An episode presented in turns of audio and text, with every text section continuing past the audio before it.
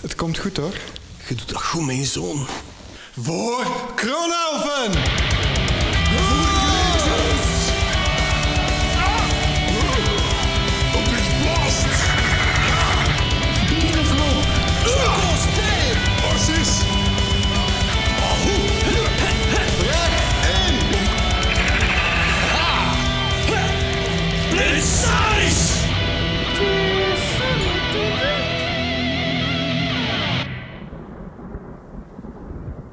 Hey iedereen en welkom bij eh, ja, EVT Drunk History Something. Ja, ik zijn? iets. Iets. Eh, we zitten aan de rum. We gaan hier reclame maken voor de merken. Het is gewoon rum. Ja, Eh, het is geen eh, James Morgan of niets. Ehm, Of Captain Cook. Captain Cook. Nee, ehm, de, de mensen kunnen zich misschien afvragen, Nick, waarom horen ze ons hier met een fles rum op tafel in plaats van eh, een gewone EVT-aflevering? Wel, dat is heel simpel, hè. Zeg keer. Onze agendas matchten niet. we gaan eerlijk zijn, hè, ja. Ja, afspreken met 530ers is moeilijk. Heel Ja. moeilijk. En tot nu toe is dat altijd gelukt voor EVT, maar het is nu zo de eerste keer dat het echt niet lukt om op tijd voor de release datum nog af te spreken. Dus eh, Nick en ik hebben besloten van het nuttige aan het aangename te koppelen en eh, ons drankprobleem een keer op te nemen. Hè. Ja, daydrinking en storytelling tezamen. Voilà. Dus eh, wat is de opzet eigenlijk van vandaag? Ehm, wij drinken een glaasje rum en wij proberen om eh, het verhaal van EVT so far een keer te recapituleren. Dus dat jullie ook terug een beetje up-to-date zijn met wat is er eigenlijk al allemaal gebeurd in dat verhaal. Want ik kan me voorstellen, we zijn EVT intussen al bijna drie jaar aan het maken. In september gaat drie jaar zijn dat we aan het releasen zijn, toch? Zot, hè. Er is al vrij veel gebeurd ook in die tijd. Er is nog niemand dood gegaan, toch, toch niemand belangrijks? Nog niet? Sorry, eh Kiria. Eh,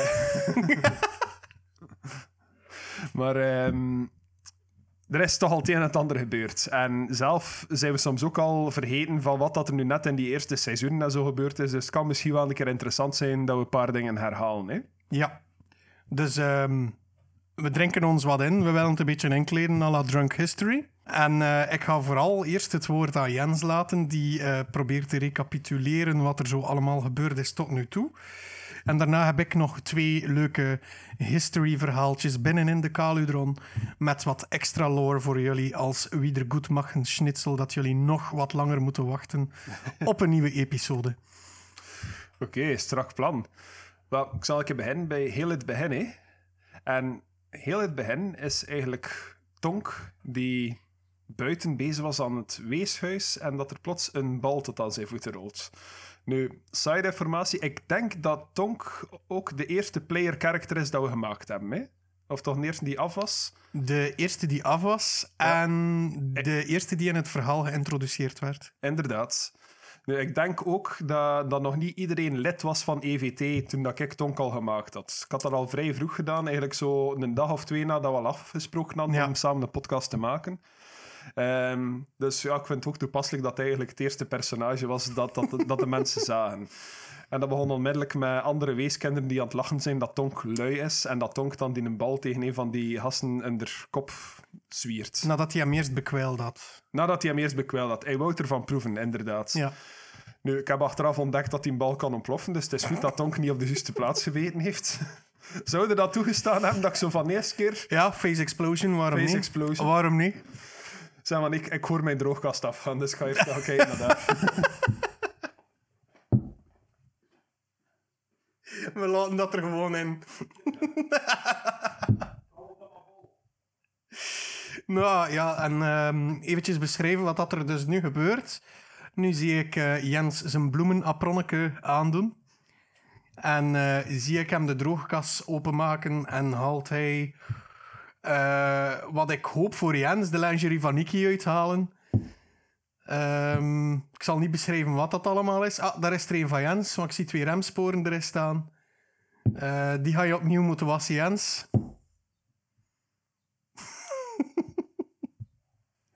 wat, mijn stilo is proper. Is dat... Ah, dat weet je ook? Ja, dus Jens heeft zijn eh, balpen in de droogkast laten zitten. dus was...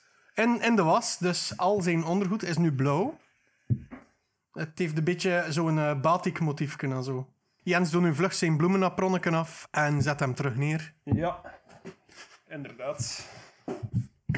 Dus, we zaten nog maar bij het begin en moest hij alweer weg. Ja, ja, maar nu zal het nog een uur of twee duren voordat mijn droogkast nog een keer piept. Dus nu Oké. hebben we tijd. Oké. Oké, maar dus... Ja, de essentie van het verhaal eigenlijk, hè. Tonk. Zit daar met een bal te spelen, smijt dat tegen een weeskindje zijn hoofd. En dan worden ze op opdracht gestuurd om, denk brood te gaan halen of zo zeker. We moesten iets gaan doen, al sinds van de uitbaatster van het weeshuis. Eh ma ma Malajurg of zo? Malajurg, inderdaad. En jullie hadden een, eh, een eh, heel de equipe mee.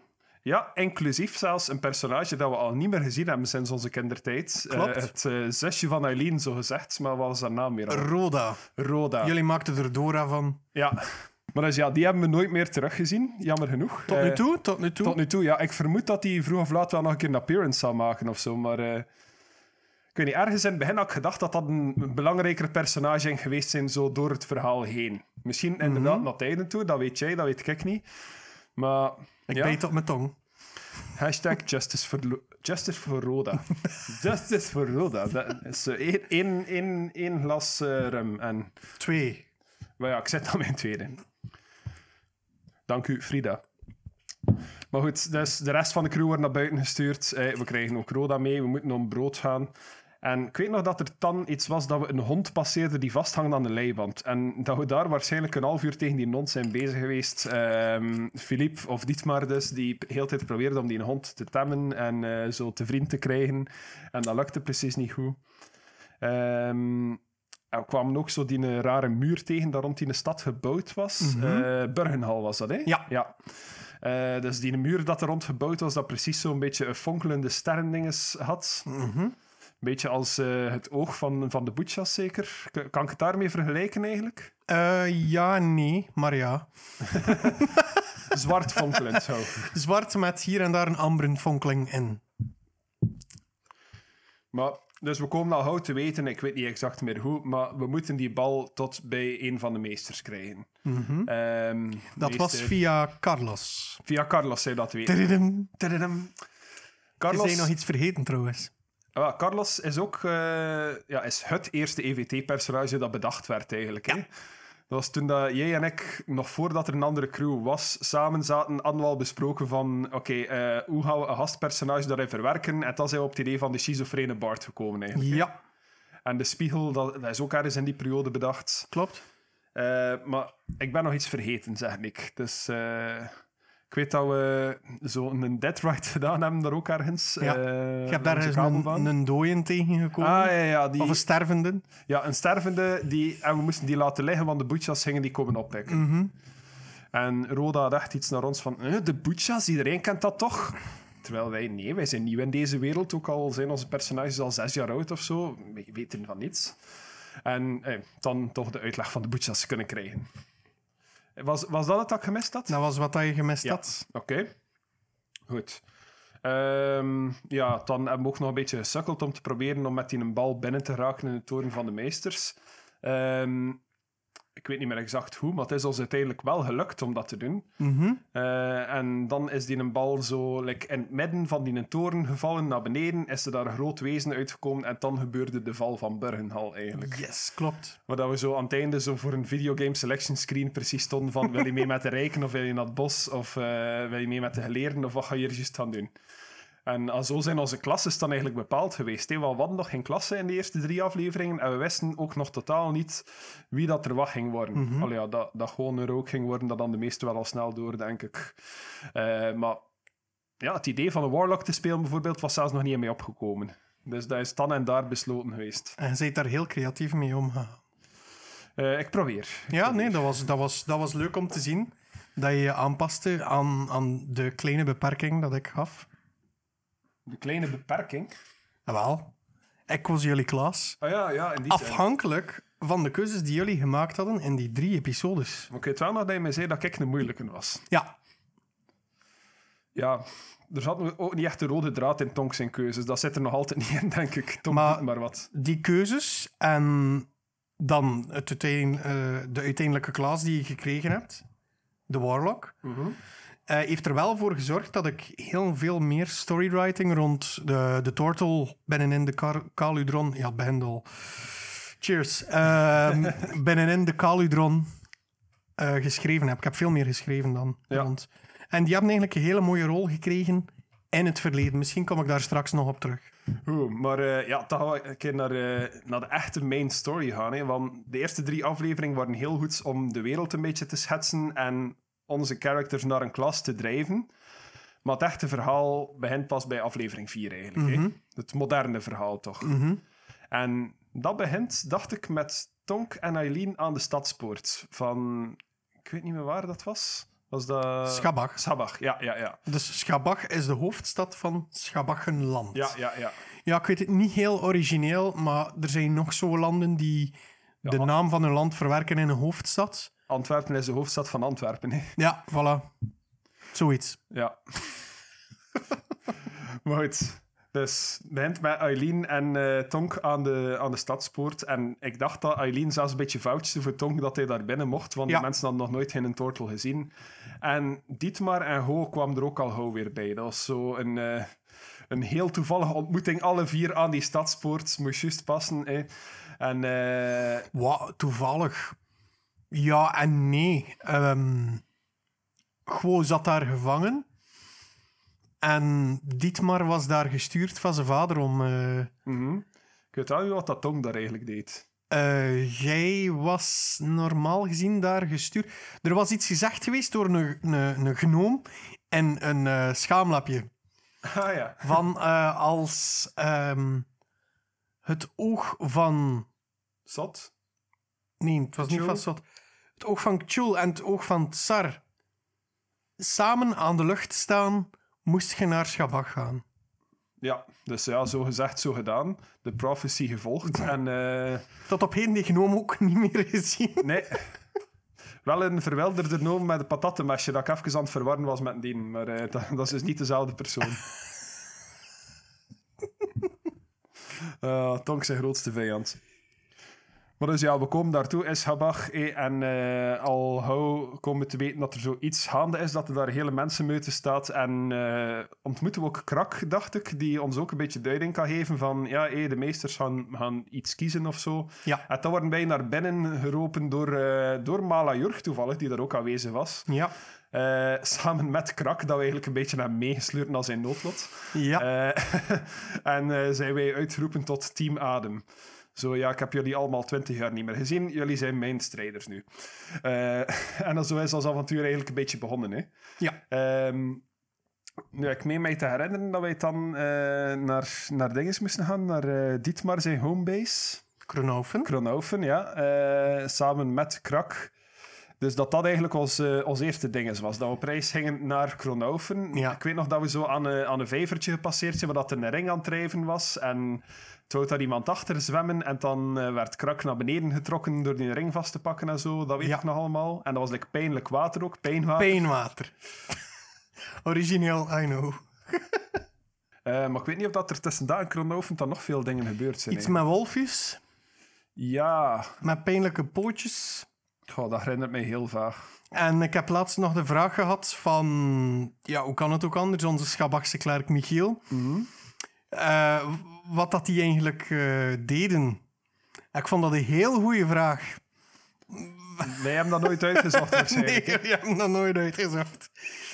De, ja, ik heb er ook niet meteen een antwoord op. Een keer moeten teruggaan dat je, Ah, dat ik hem dat je gedwongen wordt om, eh, om daarop te Nee, nee, nee, nee. Ik heb er wel een antwoord op, maar op zich gaat niet veel bijdragen aan het verhaal. Ja. Ehm, ik weet niet, hadden wij nog iets van een dungeon gedaan tussen daar en, eh en Kronhoven, of niet? Nee, Nee, ik denk dat we vrij rechtstreeks naar Kronhoven geraakt zijn. Dan. het waren een paar encounters en dan zat je in Kronhoven. En, ja. En dan hebben we ook eh, Krak naar de trainingspoppen gestuurd, waarvan dat hij er zo een stuk of drie al kapot geslaan had. Klopt. Eh, dus Krak was plots level 20. Niet dat hem veel uitgehaald heeft, maar kom. Hij dacht dat hij level 20 was. Wij dachten dat ook. Ehm, ja, dus daar hebben we dan de opdracht gekregen van hey, je moet hier naar, eh, naar eh, Belmo of zo zeker. Was tijdens we zijn het dorpje moesten we gaan om, om die mensen daar eten te brengen. ja, je moest dus met een, eh, een koets caravan, vol, vol goederen, een caravan inderdaad, goederen, een aantal dorpjes doen, waaronder Belmo. En daar zijn er ook heel wat rare dingen gebeurd. Eh, ik ben nu even aan het denken. Ik herinner mij toen dat je in Belmo aankwam dat er daar een Goliath-kind stond. Ja, ja. Die iets me. vermeldde van de oren zijn weg. Ja, En en, was- ook dat er zo een huis was, dat er iemand opgesloten zat, zeker? Was Ja. dat niet met die Jack and Jill situatie? Die Jack and Jill situatie met die twee handlangers van de poppenmeester. Ja. Die ehm, Rose was ook in Belmo, hè? Rose was ook in Belmo. De Dus oude dame. De oude dame waaraan dat eh, Dietmar beloofd had van we gaan terugkeren en we gaan jullie allemaal redden. Ja, Die nog altijd zit te wachten op ons. maar als ze nog leeft. Als ze nog leeft, ik vermoed van niet. Eh, zeker aangezien dat de Kronoven nu oorlogsgebied geworden is, eh, denk ik dat, dat Belmo het niet zo goed stelt eigenlijk. Het niet Ja, zo goed stelt, Dat ga je misschien nog tegenkomen in de volgende episode. Ja, of dan moet je nog een keer met fans eh zijavontuurtje doen om Belmo te gaan redden. Nee. Maar dan zijn wij verder getrokken. Eh, en ik weet dat er daar zo in tussentijd ook iets gebeurd was dat ehm, Larissa in het echt eigenlijk een migraineaanval kreeg en dat we dat dan verklaard hebben met Eileen heeft daar weggestoken onder een koets en is verdwenen. Omdat ze die handlangers herkenden. Die handlangers waren handlangers van de poppenmeester. Maar dat was niet oorspronkelijk de opzet. Hè. We hebben dat zo'n beetje verklaard omdat Larissa eigenlijk kreeg die Klopt. Ja, ja, inderdaad. Maar we hebben dat eigenlijk heel mooi kunnen inkleden. Ja, ja en het paste Ehm, binnen het verhaal. Want Eileen had al een encounter gehad eh, toen ze in eh meeging met Gwen richting Lagentudoor. Samen met Rhoda. Eh, is de poppenmeester daartoe gekomen om een aantal kinderen op te kopen. Maar Gwen liet dat niet toe. En toen is er daar heel wat heisa gebeurd. En toen stond er een van die handlangers eh, boven Eileen. En Eileen, ja, stond daar stokstijf te kijken naar wat dat er gebeurde. En dat is eigenlijk hetzelfde wat dat er exact gebeurd is dan, story-wise, om Larissa haar migraine te verklaren. Nu, moesten we het in, eh in videogame-termen uitdrukken, Nick? Ja? De hoeveelste boss zou de poppenmeester zijn? Zou hij zo bij de laatste drie zitten? Zou hij zo gewoon ergens redelijk onderaan de ladder staan? Hoe zou je het bekijken? De derde bos. De derde boss. De- Of de vierde bos. De derde laatste bos of de vierde laatste bos. Ja, daar ergens tussen. Ja, Afhankelijk van hoe dat jullie het uitspelen, eh, endgame. maar ik vermoed dat, dat die Morgrey ook nog wel zal terugkeren. Ik heb er nog een leuk verhaaltje over. over straks. Eh, en Sot. Ik weet niet of dat ooit tegen een god gaat vechten, maar eh, de, de kans zit er misschien wel in, vermoed ik. Aangezien dat D&D is. De kans zit erin, maar ik denk dat eerder aan een... goh, ik geef hier veel, hè. Ehm, dat eerder een effigy zal zijn of zo, vastzot. We zullen het wel zien. Ik ben al eens heel benieuwd. of twee keer gewoon onze kar en verslaan we diep maar zijn pa en regeren wij met een ijzeren vuist over Knaufen. Nou, dan moet je eerst wel Kronhoven verdedigen. Dat is waar dat je nu zit. Ja, of we gewoon onze hulp gaan aanbieden aan de schaduwwezens. Hè? Heb je daar al een keer over nagedacht, Nick? Nee. Maar dat kan geregeld worden. oh. Goed, dan zijn we vertrokken van Belmo, want we moesten drie dorpen gaan voederen of zo, dacht ik. Hè? Ja. En dan is het eigenlijk gebeurd dat op een avond eh, Krak weggelopen was in de bossen omdat hij achter wezens zat. En ja, dat eh, Eileen en ik zo'n beetje heel sukkelachtig op zoek geweest zijn naar hem. Ik weet niet, ik denk dat de Bart er ook bij was op dat moment. Eh, wij hebben allemaal heel slecht gerold en we hebben hem niet kunnen vinden. En ik weet nog dat we dan zo terugkeerden naar de rest van... Ja, we hebben spinnen gezien en we waren bang en we zijn teruggekeerd. ik denk dat iets in die trant was. En toen wij, zeiden wij, hoorden niets en we zijn weggelopen. En toen zijn ze samen op pad gegaan. En eh heb de krak gevonden. Ja, Maar niet in, eh, in, in staat van... hoe moet ik het zeggen? In staat van achterlaten, of hoe moet ik het zeggen? ja eh, zo bijna in staat van ontbinding eigenlijk. Ja, Eh ja, hem eigenlijk eh gemercy killed. hè. het moest ook. Het moest ook, ja. Er was geen andere optie meer op dat punt. Ik denk dat Tonk ook degene is die hem afgemaakt heeft. Dat zou heel goed kunnen, maar het was ook nodig, want Johan, de, de inhabitant van de Bard, van de schizofrene Bard, op dat moment, eh, die, die was bijna eraan toen. Ja. Dat weet ik nog. En jullie zeggen dan, oh, heb je wezens te sterk gemaakt, dit en dat. Maar je moet toch een spanningsveld creëren, Jens? Ja, maar dat is het. Ik merk dat ook in mijn eigen games, dat als ik echt by the book ga, dat wezens soms echt veel te zwak zijn. ja, ja, ja, absoluut. Dat ik soms een keer moest sterker maken. Maar dan moet je ook zien dat ze, niet, dat ze de spelers niet in twee mappen kunnen doden. Maar dat gebeurt nog niet zo rap. Misschien een van de volgende episodes. Maar ik heb het geluk, ik ben wel een caster, maar ik ben ook niet squishy, aangezien dat ik zo mijn turtle dingen heb. Dat is waar. Eh Eileen is een beetje squishier, maar die slaat als een truck. Dus Eileen is gewoon een glass cannon. dat is niet te doen, tol de tijd. Ja, echt. En elke keer zo'n natural 20. Die valt Ah. nooit aan. En als ze dat dan een keer doet, dan zijn het crits. Dark Phoenix once again confirmed. Ja, wij zeggen dat altijd, maar ik heb daar nog niet zoveel naar Dark Phoenix dingen weten handelen eigenlijk. Nee. Zij, eh, zij draagt de balans hoog in het vaandel. Want dan zijn we like, weggeteleporteerd met een scroll dat Eileen nog bij haar had, dacht Ja, ik. die had ze gekregen van Auwert. En zijn we terug bij de meesters terechtgekomen. Mhm. En zo voordat we zelfs de kans hadden van te zeggen van kom, we gaan krak gaan redden of zo, werden we alweer een tunnel ingestuurd. Eh, waar dat dan ja, de boekenkastpuzzel zat en de overstroming. en we, we, we hebben daar heel lang in die tunnel gezeten, weet ik nog. We hebben daar heel veel tegengekomen. Eh, onder andere ook Go die zo zijn stuurtje vond, eh, vond voor, eh, voor Mimi. Mhm. Ehm, ik die, die Chuck gevonden heb. Ja. Ehm, de kruisboog hebben we daar ook gevonden, dacht ik. Ja. Een schild van een gestorven turtle. Mhm. Ehm, dat, dat schilderij eh, zijn we daar ook tegengekomen. Die, die kamer die zo teleporteerde ook. Dat standbeeld dat dan eh dinges was ehm, van, van die meester. Ehm, wat moesten we weer zoeken? Nee, nee, wacht. Je hebt een Saint illusie. Chico. Saint Chico. Sint Chico heb je gevonden. En eh, aan dat standbeeld, dat was Antler. Ja, En daar, heb, daar heeft Dietmar de ketting met tand aan. ja, ja. nog ja. van. Nog geen idee wat dat, dat zou kunnen betekenen, Jens. Ja, dat is dan niet maar om uit te zoeken. hè, maar ik denk dat hij dat al lang vergeten is. Ik denk het vroeg. Zowel Filip als niet maar. dus bij deze is dit een mooie test om te zien of dat Filip naar onze afleveringen luistert. hè. Volgende eerste episode. Ja, wat doet die tand eigenlijk? Eh, maar ik denk ook dat terwijl dat we in die tunnel zaten, eh, dat we geteleporteerd geweest zijn naar de eerste live show. Dat ik me goed herinner. Want ik, denk, ben aan het want ik denk dat we daar Shem, Shimmerst- eh, Shen Shimmerstone of zo zijn tegengekomen. En dat we vanuit zijn ruimte eigenlijk in de kattenlichamen eh gezogen werden. Of ben ik Mm, ja, door iets elkaar van interferentie met die spiegel was dat dan. Ja, En dan zijn je inderdaad eh, in de wereld van Gifka gekomen. Hè? mhm. ja, inderdaad.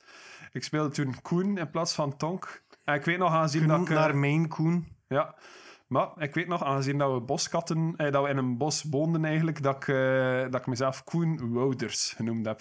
Maar dat is nooit, eh, dat is nooit van toepassing God. gekomen in de live show, maar dat stond wel op mijn sheet. Jens, please. Ja, ik herinner me dat. Oh. Ja, gaat sorry, allemaal kwamen wel af met, wat was het, het is Katholiek Polka of zo. zo. Mensen gaan dat nooit kunnen uitspreken, we nemen dat. Maar dat was ook iets, hè? Die Tesla. Te- te- Tesla. Podka. Ik weet het niet meer van wat dat, dat was. Maar ja, dat, dat was ook weer zo- zo'n schmille hè. Sowieso die eerste live show. Still cool. Yep, yep, dat was Met echt... Koning Miauwtuur. een van de beste avonden dat ik ooit gehad. Echt. Mhm. Maar ik weet nog, ik moest de volgende dag moest ik om zes uur opstaan voor mijn eerste stagedag ooit in een ziekenhuis. Dus ik kwam net uit die adrenaline rush van mensen hebben uren met mopjes zitten lachen en zitten applaudisseren voor dingen dat wij deden. Ik voelde me echt zo super goed over mezelf. En dan komt er dat plots op een plaats waar dat de onderaan de ladder staat en dat eigenlijk echt als kak behandeld wordt. Want dat was, zo, dat was wel zo op die afdeling. Dus dat was zo direct snap back to reality. Oh, there goes gravity. Man spaghetti. Yep. Ja. Ah, dus de sfeer was rap gebroken. en Ik heb ook heel weinig geslapen die nacht. Maar toch de adrenaline rush van daar gewoon in de Comic Sans te zitten en applaus te krijgen. En fans in het echt ontmoeten en zo. En gewoon dat café te vullen. Ik wil terug naar dat moment. Wie weet kunnen we dat ooit nog een keer doen. Maybe it's the alcohol talking, but I want to go back to that moment. Maybe it's Maybelline. Oké, dus de eerste live show hebben we dan ook al gehad. Hup, snap back naar de Caludron. Ik denk dat we intussen al in seizoen 2 ook zitten. Hè? Ja. Ehm, ja, dus uiteindelijk hebben we ontdekt dat eh, Chico dat dat in een robot was. Was dat ook dat standbeeld van Antler of was dat nog iets anders? Dat was iets anders. Die zat vast in een soort... in een soort pilaar. Ja. Weet je nog? En Dietmar en Gwo hebben daar al zo even een eh, romantische scène met elkaar gehad. Ja, ja, ja. dat de broek afviel en Ja. dat uh, Gwo zei van... eh, Oké, ja, ja, nu of later. Of... Die had er geen problemen mee. Ik vond dat wel schoon van hem. Jawel, ik weet nog zo iets later, wanneer dat, ehm dat Dietmar zijn zus ook al in het spel zat, dat ik zo plots naast mij kijk en ik zie hoe opschrijven seks met Dietmar en zijn zus, vraagteken. Als eventueel een future plot. Maar hij, hij heeft 50% van de doelstellingen al gehaald. Dus dan, maar ik denk niet dat Dietmar het zou snappen naar school zou flirten met hem. Mm. Dietmar heeft maar één doelstelling en dat is eh, eer. Vraagteken. Eer. Goed. Strijden voor het goede. Ik ben vrij zeker van dat Dietmar de enige mens is die vrijwillig een kuisheidsgordel draagt en dat zelfs niet meer weet wat dat de sleutel ervan ligt. Ja, ja, absoluut. Zou me niet verbazen moest hij er effectief in dragen. Ja, maar we, we hebben nog nooit uitgezocht hè, welk ondergoed dat, uh, Nee. dat Dietmar draagt. Hoewel dat zijn broek al een keer afgezakt is, dus misschien Ja. moet ik je vragen naar hoog. Nu, hij heeft, hij heeft wel ook nog altijd niet door wat dat schadenfreude effectief is. Ja, nee. Maar daar komen we nog toe. Ah, maar ja, ik denk dat, dat ik als Jens wel al een idee heb dat dat toch een redelijk evil soort is en dat ook wel cursed zal zijn wellicht, maar eh Dietmar heeft dat inderdaad nog niet door. Goed, maar dus, we raken uit in de tunnel. eh, uiteindelijk, dankzij Chico, die een deur openblaast zelfs, denk ik. En we komen terug bij de meesters terecht. Ja. Ehm, ik denk dat we nu zelfs al richting seizoen 3 aan het gaan zijn. Hè? Of Ja. Vanaf dat we daaruit waren, was eigenlijk, zijn we eigenlijk naar level 3 gegaan, Ja, zeker? hè? klopt. Eh, jullie zijn vrij snel geleveld daar. Ja, ik weet nog dat die tunnel wel lang aanvoelde toen we dat aan het spelen waren. Uiteindelijk, als ik naar de aflevering keek, was dat niet zo uitzonderlijk lang. Jullie hebben een level gekregen ergens in de tunnel en toen, toen dat je eruit kwam ook. Dacht ik. Oké, dus we hebben twee levels doorgebracht in die tunnel. Ik denk het. Ja, het zou wel kunnen hoor. Zou ik een moeten opnieuw luisteren. Eh luisteraars, als jullie zeggen van Nick, je zei verdorie verkeerd, get your story together. Fuck you, ik ben aan het drinken. Iemand zit nu in zijn moeders kelder te roepen op zijn box. Nee, je weet dat toch? Don't mind that. Oh, die is lekker. Ja, hè? Captain Morgan smaakt Beetje altijd. vanille. Ja, het zit inderdaad vanilletoets, een vanilletoets in. Ehm, dit wordt niet gesponsord trouwens door Captain Morgans, maar Nee. als ze willen sponsoren, ze zijn welkom. We zijn uit de tunnel, we zijn weer geleveld. En ehm, opnieuw willen wij achter het lichaam van Krak gaan, maar dat is weer al niet gelukt, denk ik. Eh, nee, want ze, ze hadden Krak zijn lichaam gevonden, zijn ze, maar ze wouden er nog iets van onderzoek op doen of zo. En wij zijn dan naar de kraaiende kater gegaan, dacht ik. Ja. Ik denk dat dat dan was. En dan hebben we daar Fano ook ontmoet. En zo dat briefje eh, van Krak zijn ouders, dat nu ook in de wanorde van Krak zat. Ehm, en ja, dan, om een lang verhaal kort te maken, zijn wij naar de boerderij van Krak gegaan. Hè? Ja. Ik denk dat Tiet maar eerst alleen gegaan was en dat wij intussen nog wat zotte avonturen beleefd hebben in de stad. En eh, dat Tiet maar dan teruggekeerd is en dat we allemaal gegaan zijn. om Ja, ik denk dat zoiets was. Ehm, zou ook zeggen, in die tunnel had ik ook eh, een fireball scroll gevonden en er was nog één. hè. Webs, denk ik zeker. Webbing. Ja, Ja. die ik eigenlijk al twee op twee minuten tijd verspild heb. Eh, maar dus, we gaan naar die boerderij en we merken daar de cockatrices op. Of de cockatrice, of hoe moet je ze uitspreken? Cockatrice. Cockatrices. Maar ik weet nog dat, eh, dat we zo op het moment zelf even discussie hadden, omdat ik iets zei van eh wend je ogen af, want een cockatrice kan je verstenen.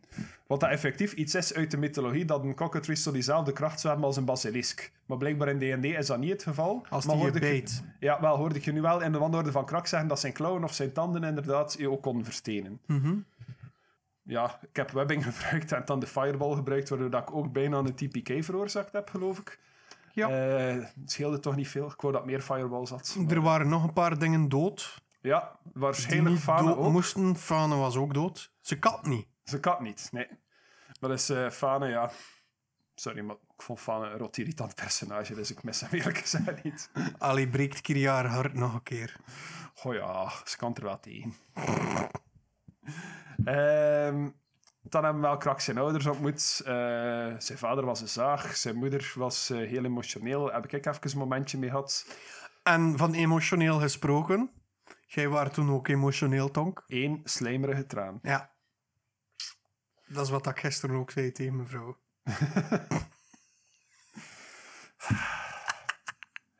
Ja, dit was... eh Zover of dat we geraakt zijn. Ja, jongens, al- als je me opgiet, moet je zo'n eh, humor kunnen verdragen. Ehm, dus, Dus Krak zijn ouders. Krak zijn ouders. Eh, we hebben daar de boel gered. We hebben die Aurog ook doen vliegen en eh in zijn dingen gekregen. Ik denk dat dat dan de sessie was dat Davy ook meespeelde. ja, met zijn Celestial Monkey. Ja, ik weet niet meer hoe dat zijn personage heette. Oeh, wacht, dat zit ver. Oh, hij vraagt dat ik gedronken heb. Ehm oh, nee. Nee. Eh, Ik had soms echt moeilijk om namen van Bart te onthouden, met dat we er al zoveel gehad hebben. hij is weg. Sorry, Davy. Ik weet alleen nog dat je een aapje had en je broer had een pinguïn. Ja, ja, inderdaad. En dan hebben we op het einde ook niet reunited met zijn broer. Toen ging zijn broer doorheen die monolith. Ah, ja. Dus je weet, kom je die vroeg of laat nog tegen dat kan. als eh, gastbard. Er zit zoveel in een speel dat we nog niet van weten. Oh god, echt, je weet, het is... Oh. Ik ging zeggen het nusje van de zalm, maar dat is niet de stepje van de ijsberg. Goed, dus nadat we dat allemaal gedaan hebben, beloven we dat we achter Krak zijn lichaam gaan. En wanneer dat we dat dan doen, is er zodanig veel aan het gebeuren in Schabach dat we zelfs de kans niet krijgen daartoe en worden we eigenlijk een beetje de andere richting uitgeduwd. Eh, ik denk dat dan is dat heel dat voorval met Charles die terugkeert Het festival met de Juki. Met Tessa, ja. Eh, dan En die herinner ik dan direct weer. Waarom? Ja, Jukebox. ja Zo onthoud ik altijd. Juki. En ik vind Warforged een van de coolste dingen in D&D. En dat is de eerste Mhm. keer dat ik met een Warforged in mijn party gespeeld heb. Maar ja, ze had uiterlijke features van een Warforged, maar technisch Ja, ja. gezien was ze geen echte Warforged.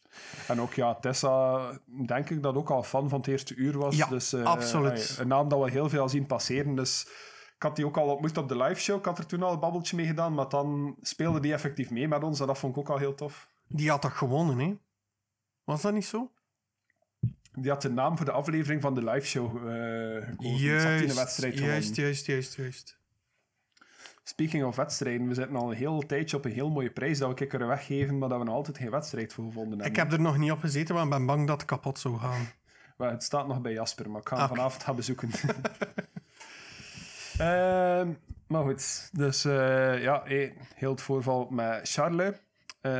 Ik denk dat ergens in de tussentijd dat ik ook achter mijn Book of Shadows kon gaan eh, als Warlock. Ja, Dat dat ook daar is gebeurd. Ehm, eh, maar ja, dus we zien dat Charles in de stad is. We verbrodden zijn show een beetje. En achteraf hebben we dan nog een gevecht met hem en zijn Kenku. En maken we die ook allemaal af.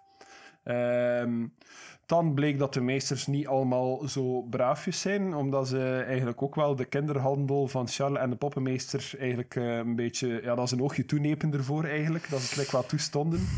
Dus ze moeten er ook zelf een of ander voordeel uit gehaald ja mag ik daar een beetje nuance in steken? Je mag dat. Eh, jullie hebben Charles vermoord, dus jullie wisten niet wat Charles effectief ehm, betekende voor Schabach, Maar we wisten wel dat hij kinderen aan het ontvoeren was. voor de, Voor de poppenmeester. Mhm, Ja. voor de poppenmeester. Dus hij was zogezegd een handlanger van de poppenmeester, maar hij was ook verbonden met, Met Schabach Mhm. en had ook contact met de meesters. Maar jullie hebben hem vermoord, dus Ja, dus we weten ook niet in hoeverre... Wel, we hebben dat wel gezegd tegen de meesters, dat hij kinderen ontvoerde en al. En die reageerden daar niet geschokt op. Nee. Dus die, wist- die waren zeker op de hoogte dat hij dat ook deed. ja, Dus gewoon al het feit dat ze dat goedkeurden, om whatever reason, maakt de meesters toch ook al niet meer zo goed in mijn ogen. Nee, het is een kwestie van balans. Hè. Dat is waar dat Schabach om draait. Hè. Eh, heel Schabachland. Ja, maar een keer dat het begint met kinderen te ontvoeren, dan had de balans toch wel al heel sterk één richting uit. Ja, misschien wel. Eh, Story-wise, ah, ik snap, moreel in onze wereld zou dat absoluut niet kunnen. Maar in die wereld is het het ene voor het andere. En het andere zal dan uiteindelijk de balans weer volledig weer doen om, omslaan naar de andere kant, zodat je toch weer een balans krijgt. Ja, wel. Maar jullie hebben hem vermoord, dus jullie hebben moreel goed gehandeld. Of more- moreel? Ja, moreel goed gehandeld. Ehm, maar dat wil daarvoor niet zeggen dat... dat, dat eh, Allee, ik zal het anders zeggen. Pasterieus zou dat bijvoorbeeld... Zou jullie als helden ontvangen hebben op dat moment. Mhm. Maar dat gaat Schabachland niet doen. Omdat er tegenover het wegsturen of het tussen aanhalingstekens offeren van die kinderen. Trouwens, we spreken over fictieve kinderen. Er is nooit iets echt gebeurd hiervan. Het is een verhaal. Hè? Ehm, dat er daar iets tegenover stond. Ja, we zullen moeten wachten op eh Citeras, die eindelijk zijn boeken schrijft over de roze balletten van Schabachland. hè. De roze ballen. Sorry, vertel me verder. Eh, ja, dus eh, we, we maken Charles af en de meesters vonden dat blijkbaar geen heel positieve zaak. Nee. Maar dan waren er zo plotseling spectrale wezens over heel dinges. Ja. En ik weet nog dat we, dat we er like, niet echt tegen konden vechten. We waren die meer aan het volgen. En dan kwamen we zo aan de docks uit, waar dat we dan ook het schip van, eh van dingen zagen. Hè? Van eh Arcanon Kwaadrecht. En dan weet ik niet meer hoe, maar zijn we like, gecatapulteerd geweest naar het eiland van de tweede live show. Ja, Ik weet niet, hoe zijn wij daar eigenlijk terechtgekomen? dus jullie zijn inderdaad ehm, op de docks beschoten geweest door dat kanon. Ja. Jullie zijn meegesloren met... de- eh meegesloren, meegesleurd. met, ja, dat is een Schabachs woord nu. Zit, schrijf dat op. oh, meegesleurd met de current. Wonder bij wonder overleefd. En terechtgekomen op het eiland waar Guo ooit gebroken beland is. Dus eh, mag ik zeggen dat er toch een klein beetje de railroad in dat water zat? Er zat een railroad in dat water. Alle stromingen leiden naar Grung Island. Nee, gezien dat een podcast is die ook een beetje vooruit moet gaan, versta ik wel dat er hier en daar een keer een kleine railroad stukje zit. Maar ik vind dat je ons nog altijd heel veel vrijheid geeft. absoluut, absoluut. Maar dat was nu een railroad, want we zaten met die, met die live show. Mhm. En die live show was al opgenomen nog voordat die, die episode. Is dat? Dat, dat was zo, ja, ja, ja. Ah, ik dacht dat die live show al nee, nee, nee, nee, nee, nee, nee, nee, nee. Of was het niet zo dat de, dat de, de aflevering waarin dat we meegesleurd werden uitkwam op de dag dat die live show op Het was zo. Het was ja, zoiets, het was zo. Klopt. Dus dat veel mensen zijn van, ik heb vanmorgen nog niet kunnen luisteren naar de nieuwe, dus dat ze nog niet wisten wat dat er vlak ervoor gebeurd was. Nee, klopt. Ik denk, wel, nee, nee, nee, nee, nee, ik ben, ben verkeerd. Want eh, de, de aflevering dat is uitgekomen, de dag dat de live show opgenomen werd, was ook de laatste aflevering met Silanor toevallig. Terwijl dat Silanor dan ook weer de Bart was in de live show. Juist, ik juist, denk dat zoiets was. Juist, juist. Ja, ja, ja. Ik, Ja? zou, ik zou nog naar mijn data moeten kijken. Nee. Nee. Oké, fans, verbeter ons alsjeblieft. Ehm, om ons goed te spreken, we zitten aan alcohol, dus niet alles komt even klaar terug. Dus. Wat is klaren we nogthans. Wat blieft? Het is klaren we Maar het is klaar, ja. Het, is... eh Kom on, stoppen. Goed. ehm, dus ja, dan de live show waarin dat we op dat eiland zaten met de Grung. Ehm, dat er daar ook zoiets gebeurde dat, dat Tiet maar achtergelaten werd, zeker. Dat hij wakker werd op het strand en dat hij eigenlijk eh, niemand meer rond zich zag, omdat Eileen hem in de steek gelaten had, zonder dat zelf te beseffen. Juist. Ehm, dus ehm, ja, wij zijn dan eigenlijk een beetje meegestuurd door die Grung, die ons ook zo een oude ruïne getoond had. Ik weet nog dat ik er zo'n mending op probeerde te doen, alsof dat, dat die ruïnes ging oplossen. Ehm, en ja, uiteindelijk zijn we zo in, in een onderaardse hang terechtgekomen, dat er zo een groot wezen zat dat heel te bezig was, geef mij meer, geef mij meer. En dat we er spels op moesten casten om hem sterker te maken. En op die manier hebben we, we hebben hem niet verslaan, maar we hebben de encounter overwonnen, zo gezegd. Ja. Eh, en dan stond Arcanon daar. En ik denk dat dat het einde van die live show was. Hè? Ja. En toen kwam Abe. Ja, inderdaad. Ape, a.k.a. Kevin. Kevin! Die ook zo de, de mysterious squeaking noise op de achtergrond van de live show was. Voor de ramen dicht te doen omdat het begon te regenen. Oh, Kevin. Ik vind hem fantastisch. Kevin is cool. Yes. Cheers, Kevin. Cheers, Kevin. Hey, Misschien we, klink, we klinken op jou. Op Kevin. Op Kevin. Ik vond het jammer dat hij zo eh, in, ons, eh, in ons zeeavontuurtje zat en zo niet in de bossen. Maar ik zat er al heel tijd op te wachten om zo de mop te maken van de Kevin in the Woods. Maar dat lukte dus niet. Zwat dat terzijde. Nee, ik vind dat Dave nog een keer moet terugkeren. Want de vorige keer hadden we dat opgenomen in zo'n een lokaal essayciel dat we huurd dan. En die akoestiek was verschrikkelijk. Die audio van die aflevering was echt niet zo goed eigenlijk. Nochtans, de zanglessen gingen er altijd goed. Ja, dus- dat, ik weet niet waar dat zo is misgegaan, maar die audio... Ja. eh, Ik denk dat dat waarschijnlijk de minst kwalitatieve audio is dat wel en we zaten precies in een bokaal. Ja, inderdaad. Dus eh, ik vind dat Kevin wel nog een keer tot zijn recht mag komen in een, eh, in een goed klinkende aflevering. We moeten maar naar de Notepost gaan, hè. Dan, eh, Voilà, ja, nog een keer live show met hem doen. We zijn van dat eiland. Ik weet niet of dat nog grote dingen gemist heb van in de live show.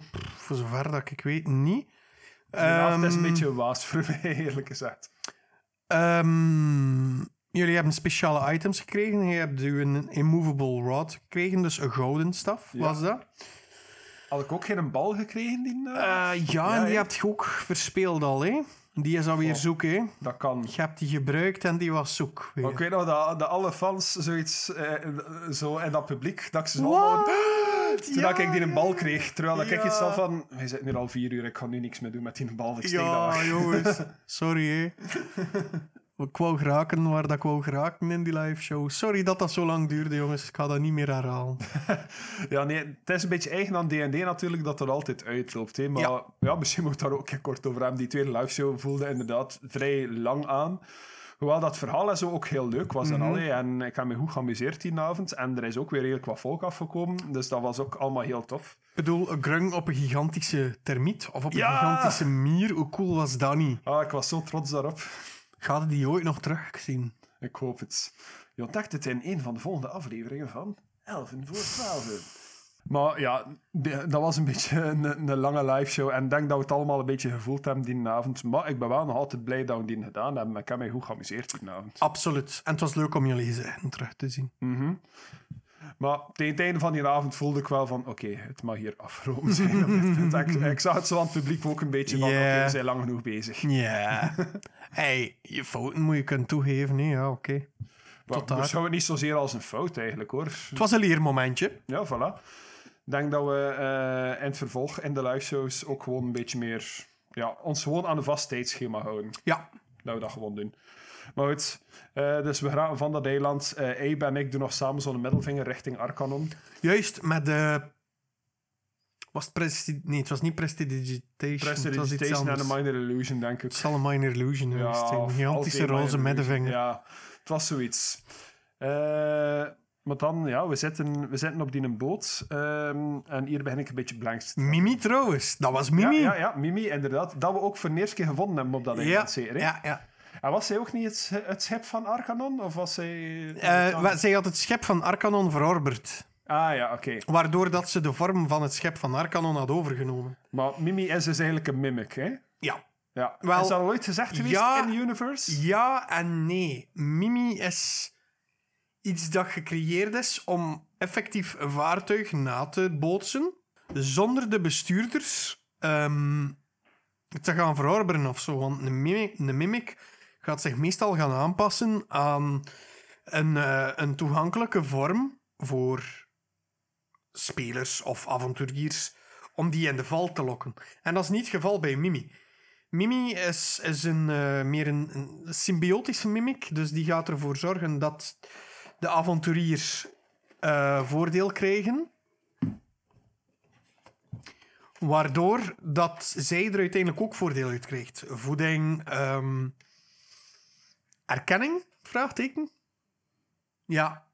Maar voilà, Mimi Lechaise heb ik hier nu juist in mijn handen gekregen van Jens. Dat is van dat spelletje Dungeon Mayhem van D&D. Dungeon Mayhem. Maar laat ons eh, eerlijk zijn, Mimi is gewoon Mimic zonder de C. hè. Ik bedoel, je moet het zover niet zoeken. Hè. Dat is like dat Aragon eigenlijk Dragon is, maar met een eerste letter van. Of dat de Caludron eigenlijk de L verkeerd geplaatst is geweest eh, van Cauldron. Dus ja, we hebben dat de vorige keer ook al besproken.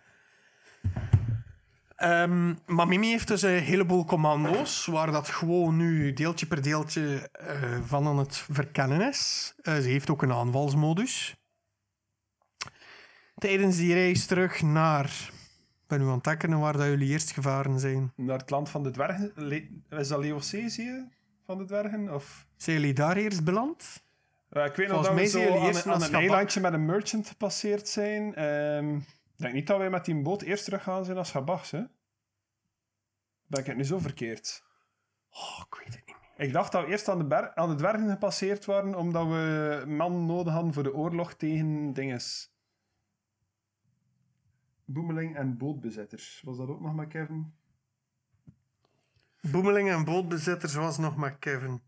Jullie hebben gevochten met... De rumble in de jungle duurt voort, maar de zee roept. En Pastoreus roept. En Kronaufen roept. Stop met roepen iedereen. Ja, het is, het is een dat Philippe geëdit heeft, want de Bart staat er niet bij vermeld. Ik zet dat er altijd bij. Ja, dat is leuk dat je dat erbij zet. Bij deze memo van Philippe zet je liever, je liever altijd de Bart erbij te zetten, zeker als we Drunk History proberen te doen of zo. Yes, dat helpt. Eh, het is jammer dat ik zo die kleurtjes niet kan zien, anders is het makkelijk. Vaarwater naar Verwoester. Ja, het is dan toch direct Kevin de Verwoester geweest na... Dus na- jullie zijn direct naar Leocesië gegaan. Ja, hè. Samen met de nieuwe Bart Kevin de Verwoester reist de groep door naar Leocesië. Mhm. Ze hebben eindelijk wat vrije tijd om zaken, op or- eh, om zaken te onderzoeken en uit te praten. Kevin maakt meteen duidelijk waar zijn naam vandaan komt. Kevin de Verwoester is Lecter. DM, Nick Anne, dadada. dus dat is één dat ik... eh, Oké, dus Kevin de Verwoester. ja. Gespeeld door de almachtige Lecter, die dat supergoed gedaan heeft voor zijn eerste keer. En die er ook een heel mooie tekening van gemaakt heeft. Die er een hele mooie tekening van gemaakt heeft. Merci daarvoor, Lecter. Ehm, Hoe was dat, Nick, voor zo'n Lecter aan je DM-tafel? In het begin spannend, maar op het moment dat ik begon te spelen, zat ik volledig terug in de zone. En zag ik ook wel dat eh, Steven dat nog nooit gedaan had. En dat hij de grenzen aan het aftasten was. Van, is er hier geen wc? Ja, tuurlijk is er een wc. Wil jij naar de wc gaan? Ga jij naar de wc? En ga je daarin tegenkomen die iets aan het drinken is en best op de wc zit. En ga je kunnen meedrinken met die gast. En je je gaat jullie kunnen spelletjes spelen en doen. Eh, waar, jullie hebben toch gebiljart of gebowled of zoiets, dacht ik. Ik denk dat jij dat gedaan heeft. Ik denk niet dat wij dat gedaan hebben. Hij heeft dat gedaan.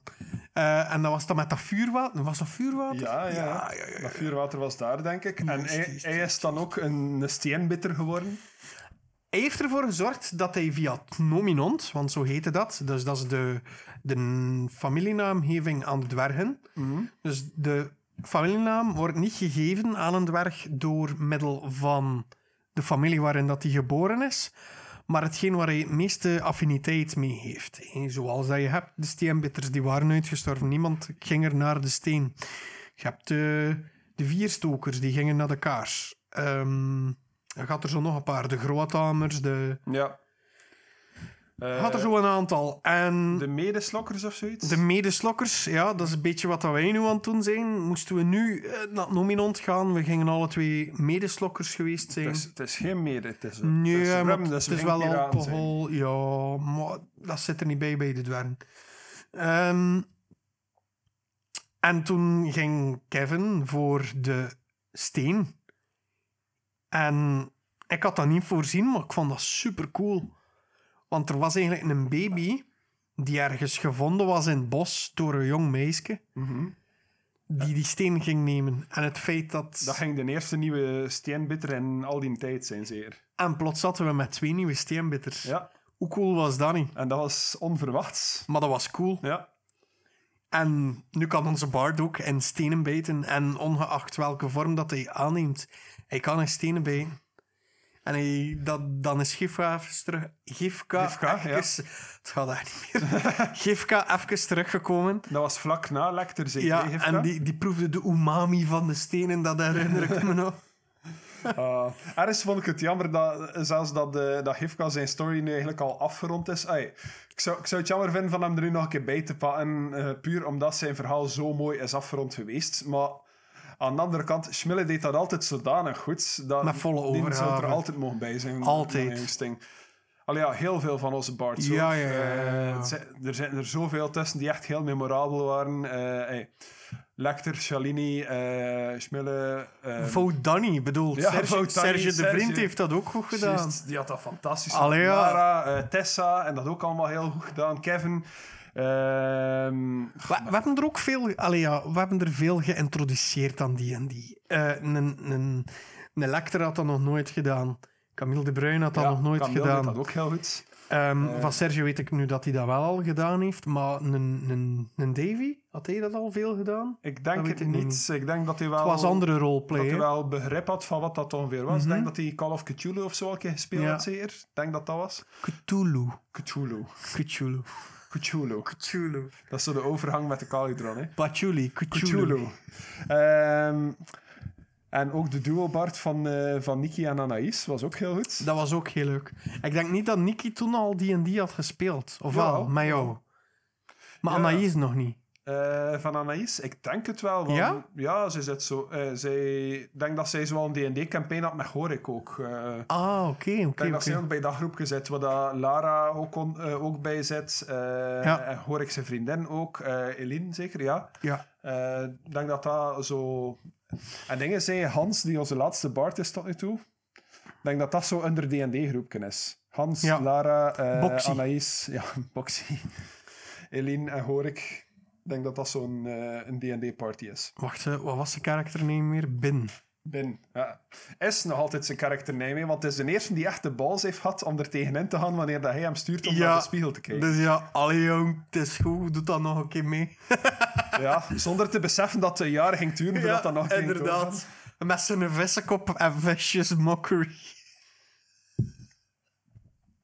Maar goed, we zijn, eh, we zijn Oh, serieus aan het afgaan. Hè. Ja, we zijn bijna aan het einde ervan. Leo Ehm, Cesië, de dwergen, eh, heel veel verschillende groepen. Ehm, ik ga ze niet allemaal opnoemen, maar Ja. dus de steenbitters waren er verloren. Ik denk dat we ze allemaal opgenoemd hebben, maar het is- Nee. Nee? nee, nee, het zijn er dertien dus. Ah ja, oké, nee. Ehm, maar dus, ja, eh, we hebben daar nog tegen een of ander steenmonster gevochten samen met Lechter. Dan werd het schmillen zo in de, in de nasleep van dat steenmonster.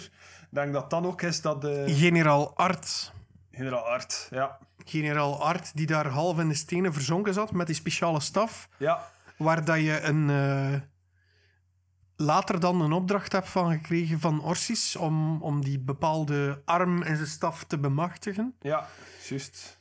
Ehm, Wat dan nog niet gelukt is. wat dan nog niet gelukt is, omdat hij nog niet teruggekeerd is. Ja, en heel dat Ahu-gedoe was ook bij de... Bij de, De Ahu, dat is zo de ik heb gesproken uitroep bij de dwergen.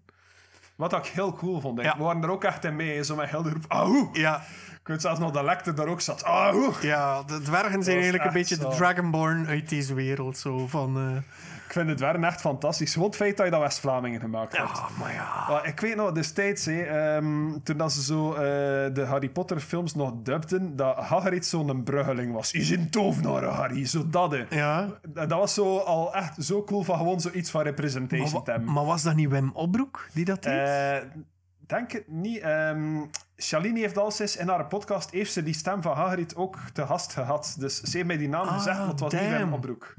We hadden Wim Opbroek daar eigenlijk voor moeten gebruiken. Maar ik denk dat ze- Vind ik. Is Wim Opbroek een West-Vlaming? Wim Opbroek... Uh, Gerrit Kallewoord. Uit Bavikoven, de- eh, of wat is dat? Uit de Bavikoven deelgemeente van... Wat is dat nog allemaal? Ik, ik weet niet, ik, ken er heel, ik heb heel weinig Wim Opbroek eh, En de Gloria. Ik, Ieder zijn gedag. Ik zeg Gerrit Kallewoord. ik denk dat ik daar twee afleveringen van gezien heb. Dan moet het Gloria. met de West-Vlaming te ondertitelen. Ah, juist, ja, Ja, dat was ja. met hem. Ja, ja, ja, oké. Ehm, dingen heb ik wel gezien. Eh, Het eiland. Ah, ja, ja. ja. Daar Eh, is sprak hij mooi algemeen Nederlands. Ja, inderdaad. Maar dus dat heb ik wel gezien, maar zo ook veel te laat. Ik had dat like, vorig jaar bekeken toen dat streams uitkwam. dan had ik dan een maandje gratis stream zat, is- en dan heb ik eindelijk naar het eiland gekeken. Dat is gelijk opnieuw Parks and Rec aan. Of The Office. Ik denk dat meer aanleunt naar The Office dan naar The Parks Office, ja, eigenlijk wel. Ja.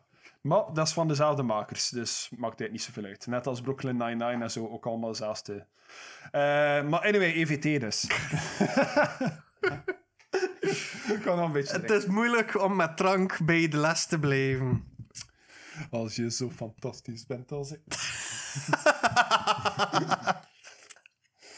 Ah, ik kan me nog een beetje uithangen. Ja, voor mij is het even genoeg. Het had eh, alleen maar... brrr. Ja, als je nog meer aan moet je maar pakken. Nee, maar, het eh, is goed, het is goed, het is goed. eh, maar dus, anyway, Pastereus. Eh Leo Cesius, sorry. Pastereus zijn we nog niet geweest. Pastereus is zo, is zo de dansartsstraat van, eh, van de Calidron. hè. Ja, ja. Of zo Sint Maartenslaat. Dat, van- dat, is- dat, is- dat is het gooi van... het gooi van eh, de Caludron. Zo. En ze noemen dat zo omdat je daar geen steen in het ronde kan gooien zonder dat er iemand zegt: eh, My daddy will sue you. Je gaat dat wel nog zien. Maar het is letterlijk het gooien. Oh, over het gooien gesproken. Ik had daar juist zo'n ambetante BMW-chauffeur op een parking van het Carrefour. hè. Echt. Wacht, laat me denken. Heeft ze pinkers niet gebruikt? Nee, nee, nee, nee, nee. Eh, ze reed achteruit, zo vlak voor mijn neus. Ja? Zo net wanneer dat ik langs de Oh. parking passeer, schiet ze eigenlijk achteruit zonder uit te kijken.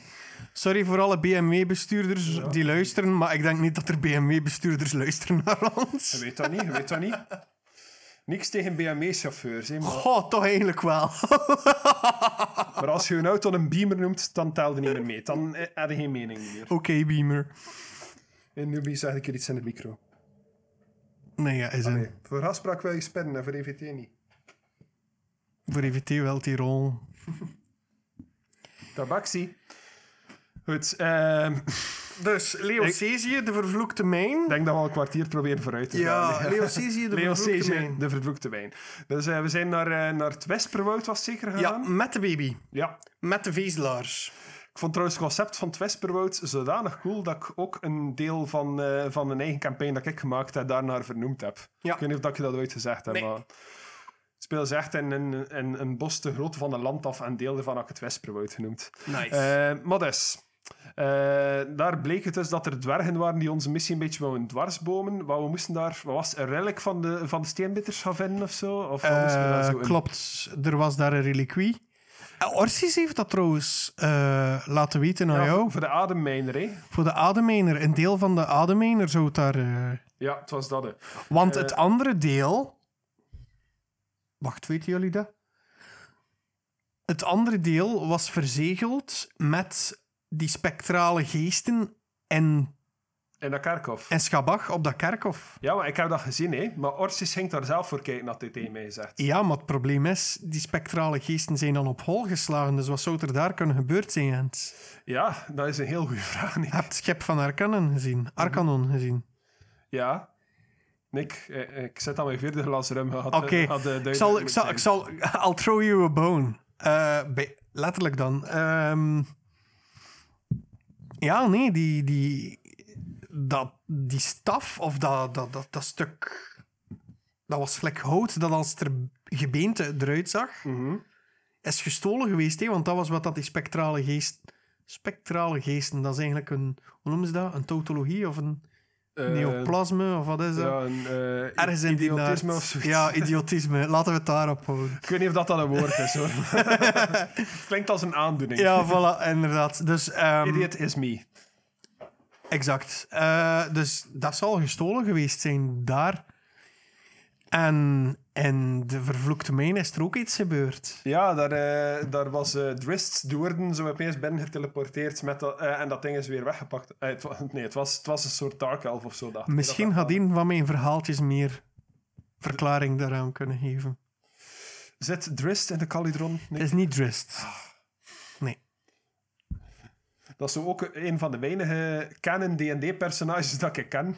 Dat is ook een van de weinige Dark Elves die zo'n gigantische story heeft en die ook goed is. Ja, Deels. terwijl dat is. eigenlijk ook gewoon een vrij emo-personage is. Hè. Het is een zeer emo-personage die uiteindelijk waanzinnig wordt in de Underdark. Ja, ik denk dat hij ook in eh, de Out of the Abyss-module zit. Hè, Ja, en daar wordt hij eh, losgeslagen. Ja, ik weet niet of dat iedereen weet wie dat Worden is eigenlijk, maar dat- ja, een personage uit de D&D-boeken en zo, eh, en uit oude modules ook zeker.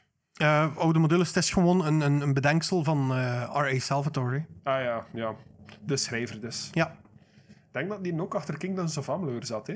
Achter dat spel. Ik weet niet of dat je dat ooit gespeeld hebt. Wat Kingdoms of? Kingdoms of Amalur. Dat was zo'n singleplayer fantasy game op Dat zou heel, 360 goed- PS3 generatie. dat zou heel goed kunnen. Eh, wat is, anyway, eh, de main. de main van Leocesië. Eh, dus we zijn erin gegaan. We hebben zo een eh, Donkey Kong minecart level gespeeld. Ja. Eh, ik weet niet meer wie dat onze Bart toen was. Weet hij dat nog? Eh, deels Gifka. Nee, ja, deels Shivka in de main en dan deels Carlos even. Heb Ah, ik hem even gespeeld. het is daarom dat ik het vraag, want ik weet nog dat de Bart dat we hadden opeens door moest, terwijl dat wij nog een uurtje tijd hadden om te spelen Ja, of zo. Dus dat we dan nog even met Carlos gespeeld hebben. Mhm. Terwijl, En zou ik dat niet erg vinden om zo, zo nog een keer gewoon een sessie met Carlos te hebben. Ja, ja, maar Carlos is cool, hè? Ja, Carlos is cool. Carlos is cool. Tuurlijk is Carlos cool. Ik wij hebben hem bedacht. Dat bedoel ik niet, maar... ja, Carlos is zo een heel ander type. En als ik hem mag spelen, dan, ja, dan, dan, dan speel ik eigenlijk een beetje meta, hè, want ik weet ook al de rest. Ja, wel, maar dat, dat is ook net... Ik vind dat altijd zelf ambetant om zo een speler te zijn in mijn eigen spel dat ik ook aan het gamen ben. Ja, Gewoon omdat, omdat je zoveel weet en dat je, eh, je moet tegelijk... eh, Als speler is het heel gemakkelijk, want je weet zelf niet wat dat de oplossing van een puzzel is. Dus Ja. kun je je vrij gemakkelijk opstellen van, ah ja, mijn personage weet dit niet en is het zelf aan het uitzoeken. Terwijl als DM weet wel de oplossing. Ja. Dus moet je het dan afzijdig houden tegen Ja, bepaalde dingen? klopt. Je moet één sleutelrol toekennen als je als DM een bepaald personage speelt. Bijvoorbeeld bij een heist ehm ga je dan zien dat een, een, een, een personage bijvoorbeeld een explosieve expert is. Of eh, dat er eh, iemand is die zich zeer goed kan eh, vermommen. En die dan jullie helpt te vermommen en zo. En dan houd je dat daar, daarbij Ja, zo de specifieke praktische Ja. rol eigenlijk. Voilà. En dat probeer ik ook te doen met Carlos. En ik vind in die eerste episodes heb ik dat goed kunnen doen. En die episodes in de mijnen is dat iets minder goed gelukt. Waarom? Het was ook iets minder goed voorzien. Als je een personage ook, speelt, voilà, als je een personage speelt als DM, moet je hem voorbereiden. Anders Ja. maak je fouten en gaat het te snel over naar de vooruitgang van het verhaal. Ik weet nog dat ehm, ik had zo een speler die even was uitgevallen eh, in de groep dat wij gebruikten. eh, eh, ja, vanwege wat, wat storend gedrag en zo. En we hadden die nog een kans gegeven. Inderdaad. we hadden die nog een kans gegeven en, eh, om zijn karakter mee te levelen, want dan was ik er nog mee bezig van ja, je moet die XP wel verdiend hebben en zo. Eh, nu doe ik dat minder. Maar dus om die nog een kans te geven, had nog een mini-campaign gerund waar dat hij zo zijn, zijn bear totem als barbarian verdiende. Eh, en ik had dat gewoon met nog één andere speler gedaan, maar omdat de party anders zo klein ging zijn, speelde ik ook nog een, een extra personage. Maar ik had van mijn personage gewoon zo, denk dat Minotaur was, die eigenlijk geen woord zei. Of als hij zinnen zei, bestond dat hoogstens uit twee woorden. Waardoor dat ik eigenlijk ook geen hints ging geven aan mijn spelers, maar dat ik gewoon een bijdrage was in de combat. Ja. En op die manier kan dat wel werken. Ja, klopt. Maar ja, een intelligent personage, gelijk dat Carlos is, dat is heel moeilijk om, om te DM'en en te spelen tegelijk. Ja. Dus dan houd je het op één rol dat hij speelt. Ik heb het dan niet over de dobbelsteenrol, maar effectief de, de functie dat hij heeft binnen de groep. Ja, en ik weet nog in die maincard dinges dat, dat Carlos eigenlijk gewoon meegedaan heeft in te vecht Ja. en gewoon grapjes maakte. Dat, En is de het zo bedoeling. ongeveer. En toen kwamen jullie bij een grote ketel Ja, waarin iets zat, waar er ook een van die vezelaars stond dat kan. met een gloeiende hand. Weet je dat nog?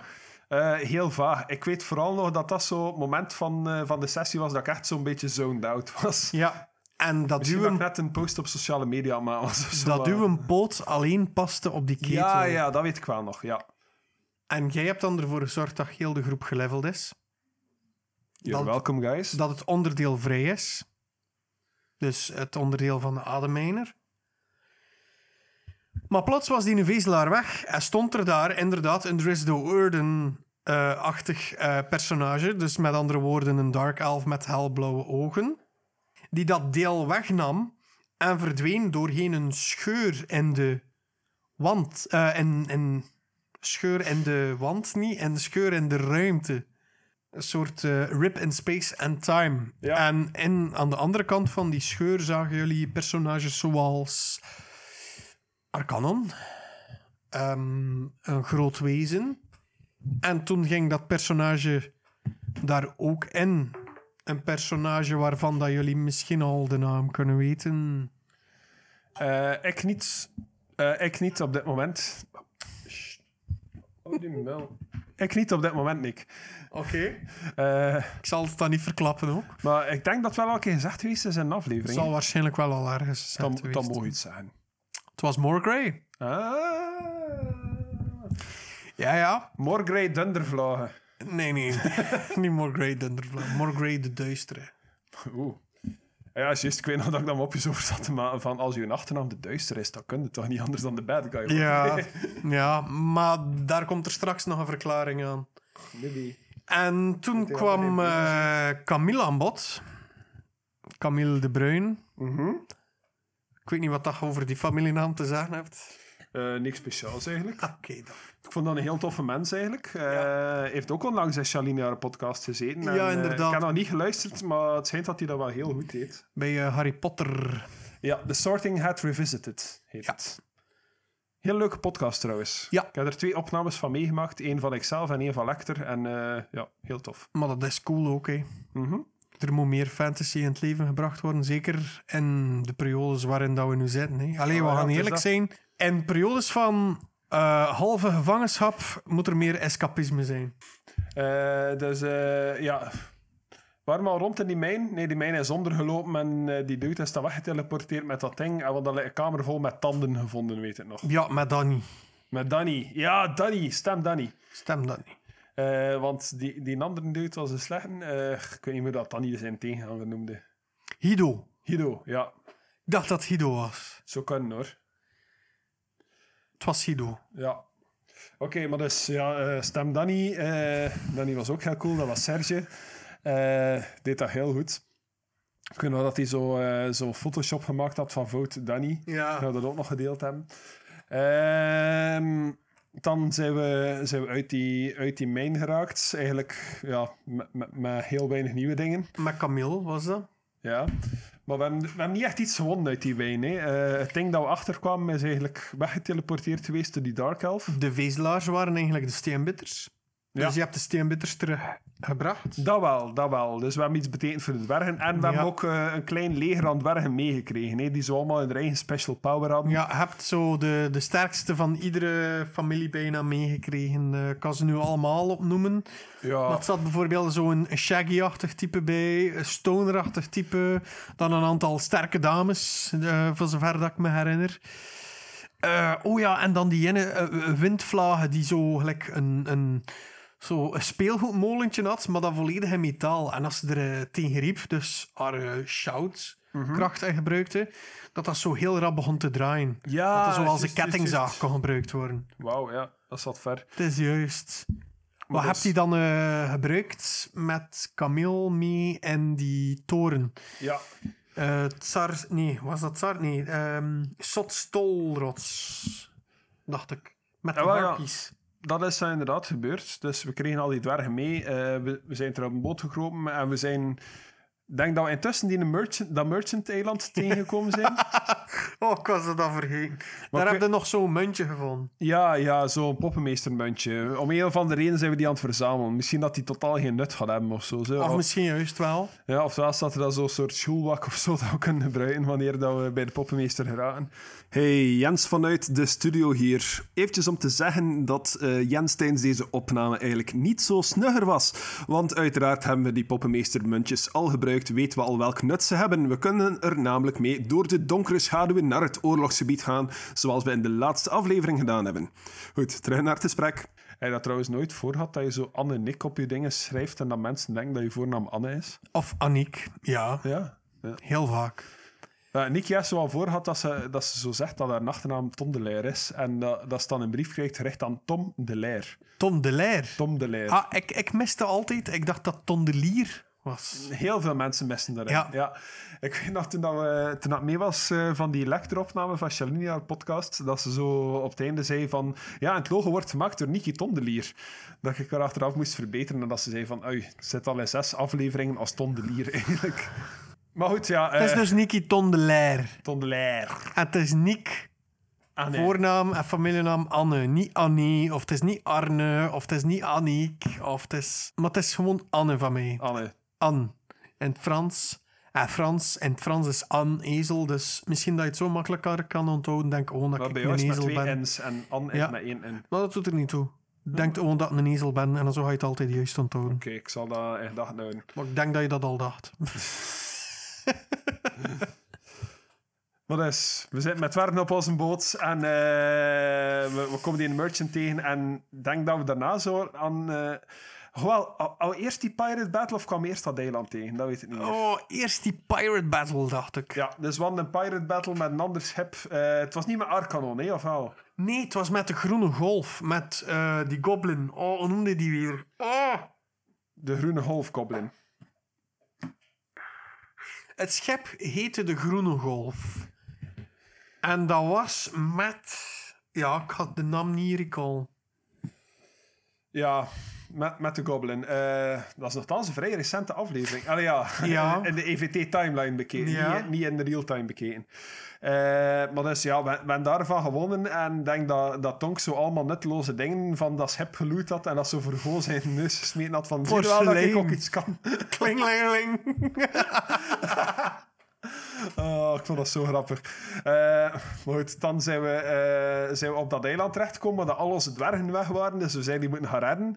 En zat er dan zo'n gigantische vogel die alles brainwashte. De Harpy Matriarch. Ja, en ik weet nog, ik als Tonk had dan hoge brainwashed om hem te overtuigen dat ik de kapitein was en dat hij mij moest volgen. Look at me. I'm the captain now. Ja. Maar eigenlijk puur uit goede bedoelingen van ik moet Ho terug op dat schip krijgen. Dat was niet mijn bedoeling om iets over te nemen of zo. Right. Maar Ho heeft mij dat zodanig kwalijk genomen dat hij wraak genomen heeft op mij. En dat gebeurde eh, zo het ik heb niets geleerd moment. Ah, dat was ook wel lachen. Ja. Maar dus ja, we hebben die matriarch verslaan. We zijn er op dat schip, op, de, op dat schip, Dat is het zetterend. op dat schip gekomen. Wanneer ga ik eens Sea of Thieves ben spelen, Nick? Moet ik hem meedoen? Ja, ik weet het. Maar dus, eh, De tolrots. we, we, we, we verslaan die, die matriarch. Ik weet ook niet meer hoe dat, dat eigenlijk gebeurd is, maar Dat was heel zot. het was met Ehm, heel veel mind control en al, ja. dat weet ik wel nog. Eh, we hebben die verslaan, we zijn er op dat schip geraakt, met al onze dwergen nog eh, vrij intact eigenlijk. mhm. Eh, ik weet nog dat er daar zo een tussen dat die constant zat te hiechelen. En ja, zo, zo een paar vreemde gevallen eigenlijk. Flint en Brick, de twee vuurstokers. Zoiets, ja. Die, die hebben dan zo een... Die dragen dan zo altijd een, een grote stenen buis, dat zo à la bazooka mee. Ja, ja, ja. Zo een beetje denken zo die, die kamikaze-dingen uit eh, Age of Empires. Ja. Je zo cheatcodes gebruikt. Zo, how do you turn this on? Of zo. Ja. Nee, nee. How do you turn this on is voor die auto's. Eh had al eens iets dat je zo, eh, dat je zo'n eh, ja, kamikaze-dingen zat. Hè, dat je Ja. gewoon zelf ontploffende gasten naar ergens kon sturen. Ik ben mijn vingers hier aan het openkrabben, Nick. Ik moet stoppen met krabben. Vertel verder. We Eh, zijn er bijna. Ja, we gaan terug, we gaan terug op die boot. En ja, dan is het echt top, hè. We, we- we zitten weer op die boot en we zijn weer weg, hè. Eh, ik denk dat we dan terug naar Kronoven zijn gegaan. Dan zijn jullie naar Kronoven gegaan en daar zijn jullie ergens geëindigd, als ik me niet vergis. Wel, we zijn daar het beste personage uit EVT nog een keer tegengekomen. Zijnde, Goh. wie is het beste personage uit EVT, Nick? Eh, ja, het zijn zoveel goede personages. Top of your head. Hoofdmeester Awoord. Oh, Nick. Met zijn Duits accentje. Allee. Ah, wel, Awoord. Lumbak. Ah, Lumbak. Ah, Lumbak ja, ja, is het beste personage uit. EVT. Kleedjes, curiosa, kruisbogen, Kleedjes, natuursteen. kastanjes. Lumbaktusk. Het is juist, ja, ja, ja. Lumbak Tusk. En die, heeft Lumbak. We hebben het nog niet over hem gehad, maar een, die heeft een hele belangrijke een, eh, ja, neef, broer. Ik weet niet wat dat precies is. Melon. Melon Tusk, hè, ja, ja. Nee, maar ik, ik vind dat Lumbak zijn eigen boek verdient. Echt waar. The Er zou zo- Wild.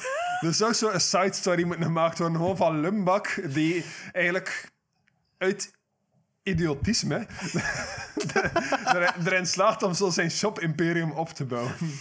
Maar hij heeft wel hulp van zijn slimmere broer, hè. Ja, maar toch, hij, hij doet ook maar wat. Want- Hij, hij is heel gelijkaardig aan Tonk daarin. Ja. Zo, er zit geen rode draad in Nee, Lumbak. klopt. Hij, hij heeft geen intenties, hij heeft ge- geen agenda. Hij, hij doet gewoon maar wat. Ik ken het verschil niet tussen brons en hout.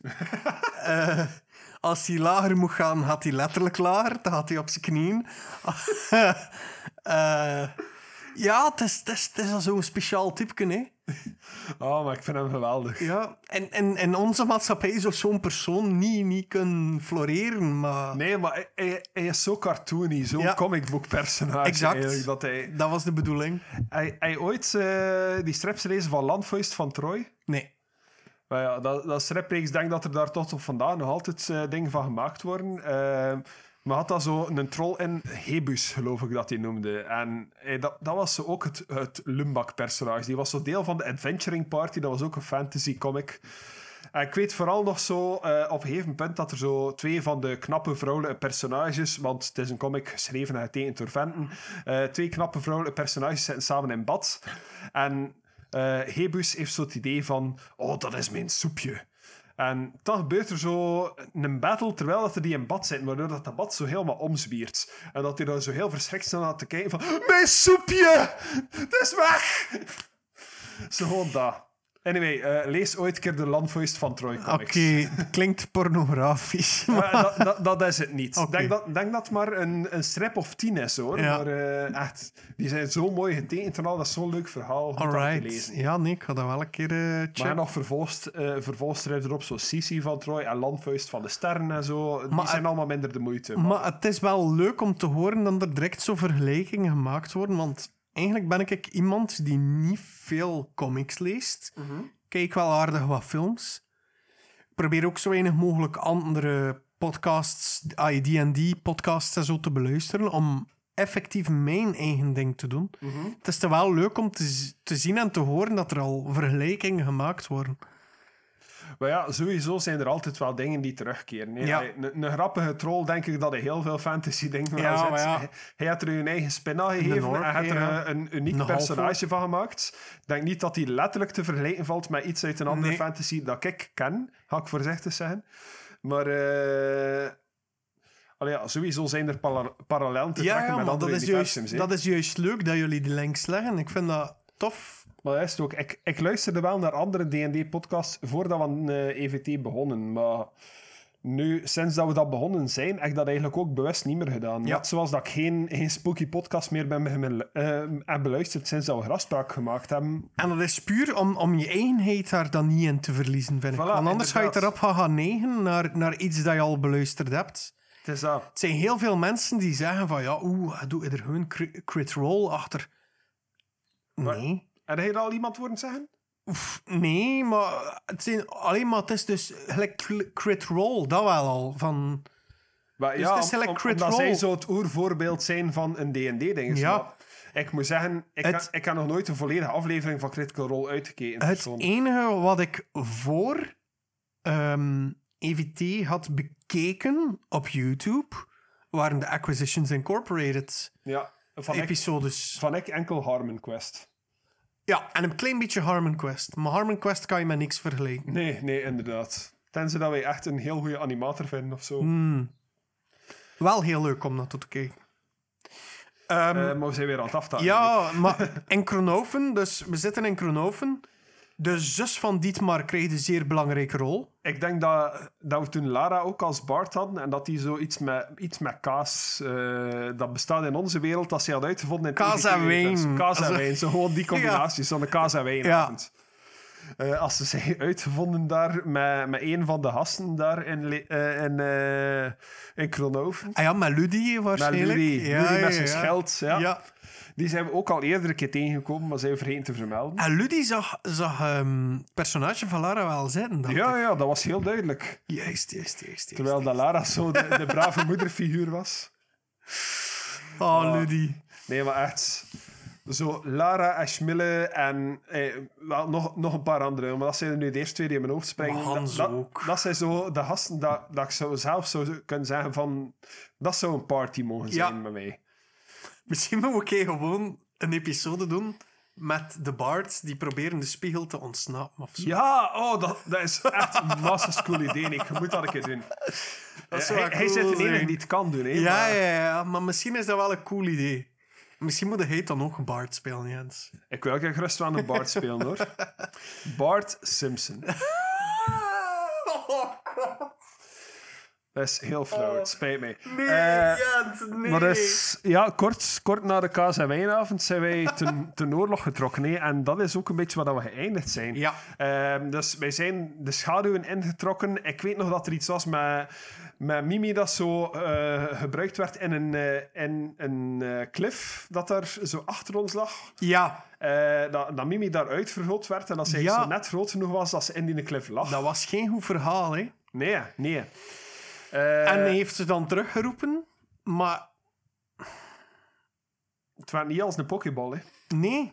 Eh, maar ja, de twee roeren lagen daar wel, maar op ja, in, in hoeverre is er iets gebeurd met Mimi? Is er iets niet gebeurd met Mimi? Ja, Tot op heden weten we dat niet. Hè? in de volgende 11 voor 12. maar het, eh, Als Mimi ooit te water gelaten wordt, zal ze ooit hetzelfde zijn als voorheen. Wie weet. we zijn erin geslaagd om zowel in het kort als in het lang het verhaal van EVT te doen. Eh, en heel veel aftakkingen te maken. Yes. Eh, sorry daarvoor trouwens. Maar dus, we hebben ons best gedaan om het verhaal een beetje te, te recapituleren. Ik weet niet of dat, dat, of dat, dat nu echt duidelijk geworden is. Onder invloed. Laat het zo verwarrend zijn. Wel, Drink, ja. drink desnoods ook iets, maar we willen nu zeker niet aanzetten tot En ons alcoholmisbruik. waarschijnlijk zatter horen worden naar gelang dat het verhaal aan het vertellen. Waarschijnlijk maar, eh, wel. Nick liet mij aan het begin ook weten dat hij ook een paar dingen had voorbereid. Dus ben wel benieuwd wat Oh, dat ja. dan is, juist is, Nick. Ik heb een, eh, een paar verhaaltjes die je eigenlijk eh, wel als urban legends en de Caludron zou kunnen bes- die je als urban legends zou kunnen bestempelen. Sure. Ehm, dus basically, grafspraak binnenin de Caludron. Cue de intro tune, die ik gemaakt heb trouwens. Ja, ja. Eh, Hij staat ook altijd in onze credits als eh Adonic. Wacht maar, binnenkort gaat je daar meer van horen. Is dat? Ja, dat is mijn solo-project. Mhm. En eh, ik heb een, eh, ben momenteel nog heel wat gear aan het inkopen. En momenteel repeteer ik thuis. En de bedoeling is dat ik effectief een live set zou kunnen brengen. Als Adonic. Cool. Yes. Dat is een heel ander project dan de normale projecten die ik breng met rockmuziek. Het zal ietsje elektronischer zijn.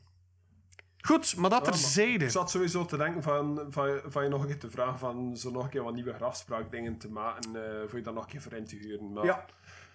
Het zal waarschijnlijk voor volgende maand zijn, want nu heb je die tekening al betaald en al. En, eh, Je moet ja. maar laten weten. En ik bedoel, ik ben niet zo duur als die tekeningen, Jens. Dat is waar, hij, hij doet het eigenlijk vrij betaalbaar, maar ik veronderstel dat het ook een vriendenprijsje is. Absoluut, absoluut. Omdat ik wil bijdragen tot alle Vlaamse podcasts die in mijn directe omgeving gemaakt worden. Dus twee. Vier. Vier. Ja. Dierbaar, EVT, grafspraak.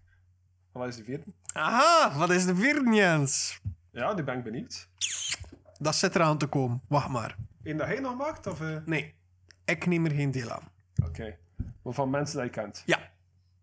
Als ze hem gaan uitbrengen, ze zijn nog in twijfel. Heb hij nog zin in een beetje lore? Ja. Binnenin ja. de Caludron. Sorry, ik ben weer aan het aftatten. Eh, geef, probleem. mij, geef mij lore. Goed. Geef mij lore. Het verhaal gaat eigenlijk over een man die Ravid heet. Ravit. Ravid. En het is een kleermaker, een jonge kleermaker, die ooit tegen zichzelf heeft gezegd van... Weet je, gasten, ik ga de beste kleermaker ooit worden. Ik ga textiel van naaldje tot draadje kennen. Oké.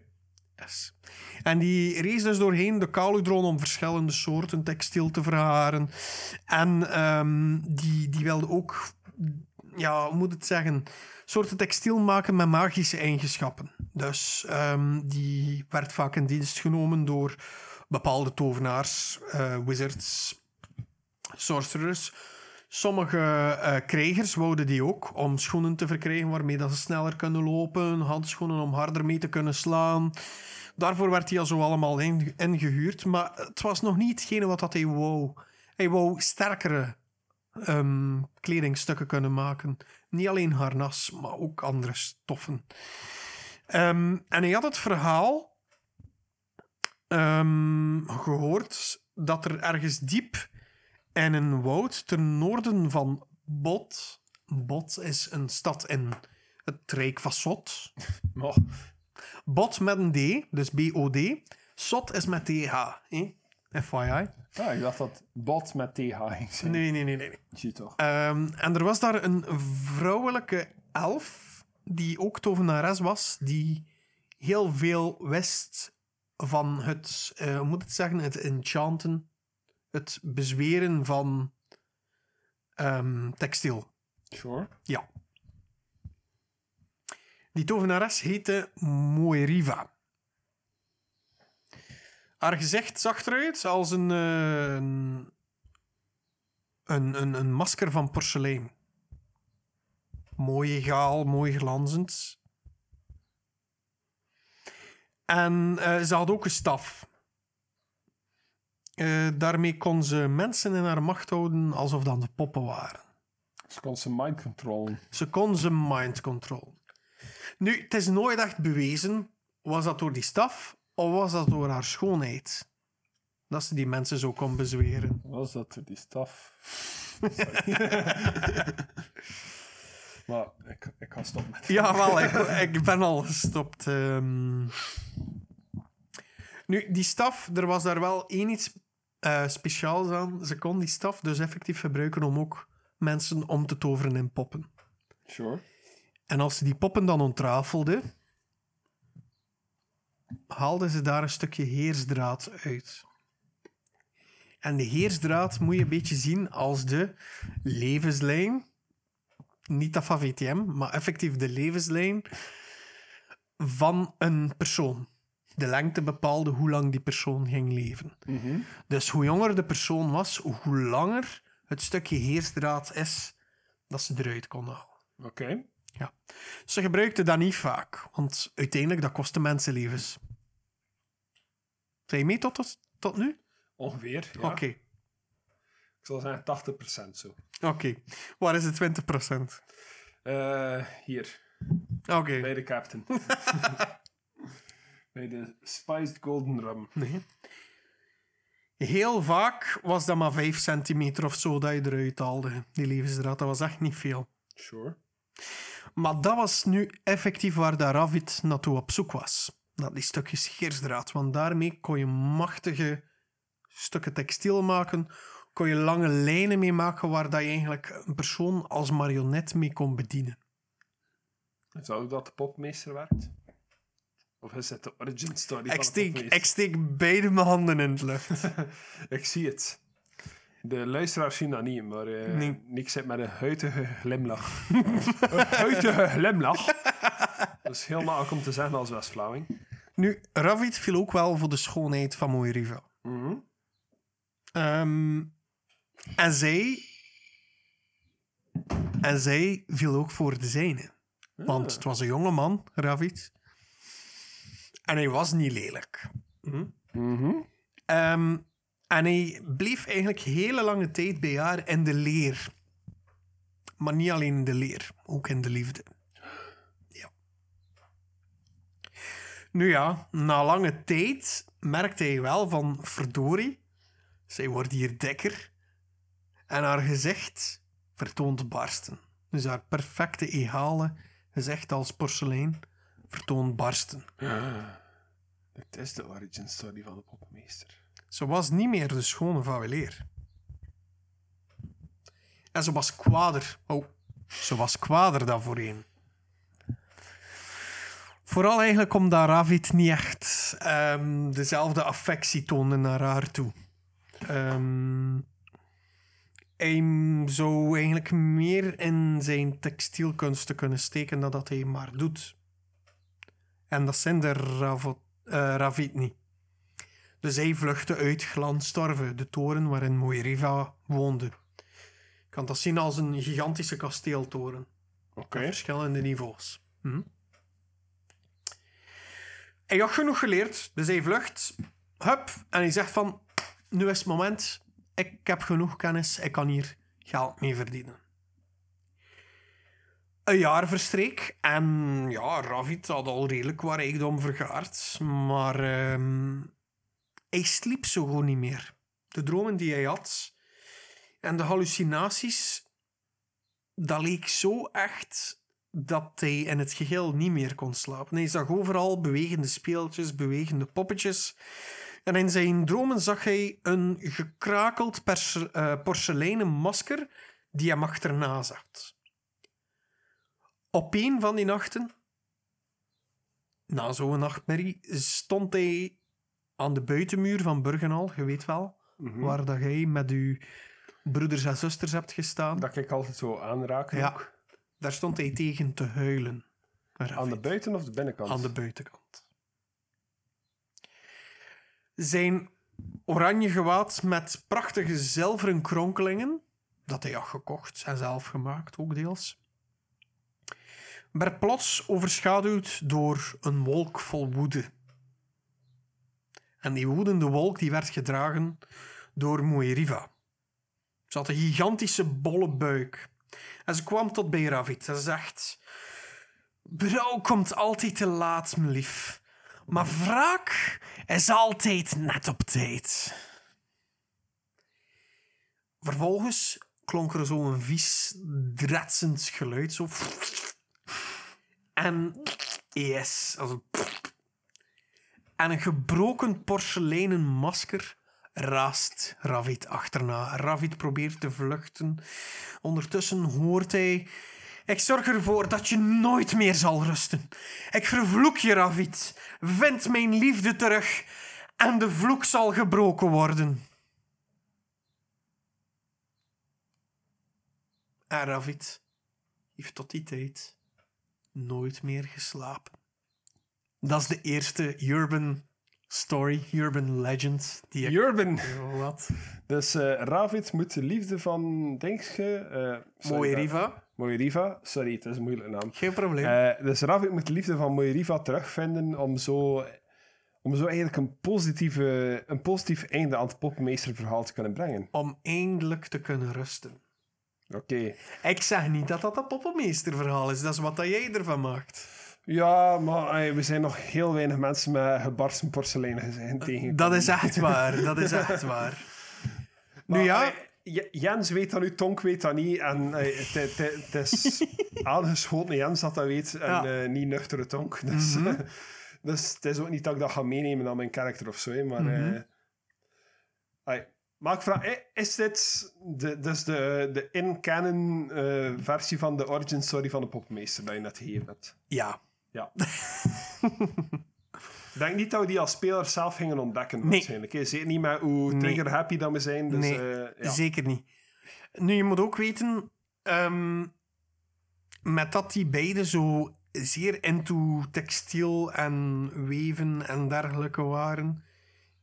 Een groot deel van hun levensverhaal staat eigenlijk uitgewoven, uitgeweefd. Wat is het verleden tijd van weven? Woven? Uitgeweefde hudden. Ja, oké, laten we het op uitgeweefde houden. Eh, hebben zij eigenlijk effectief uitgeweefde?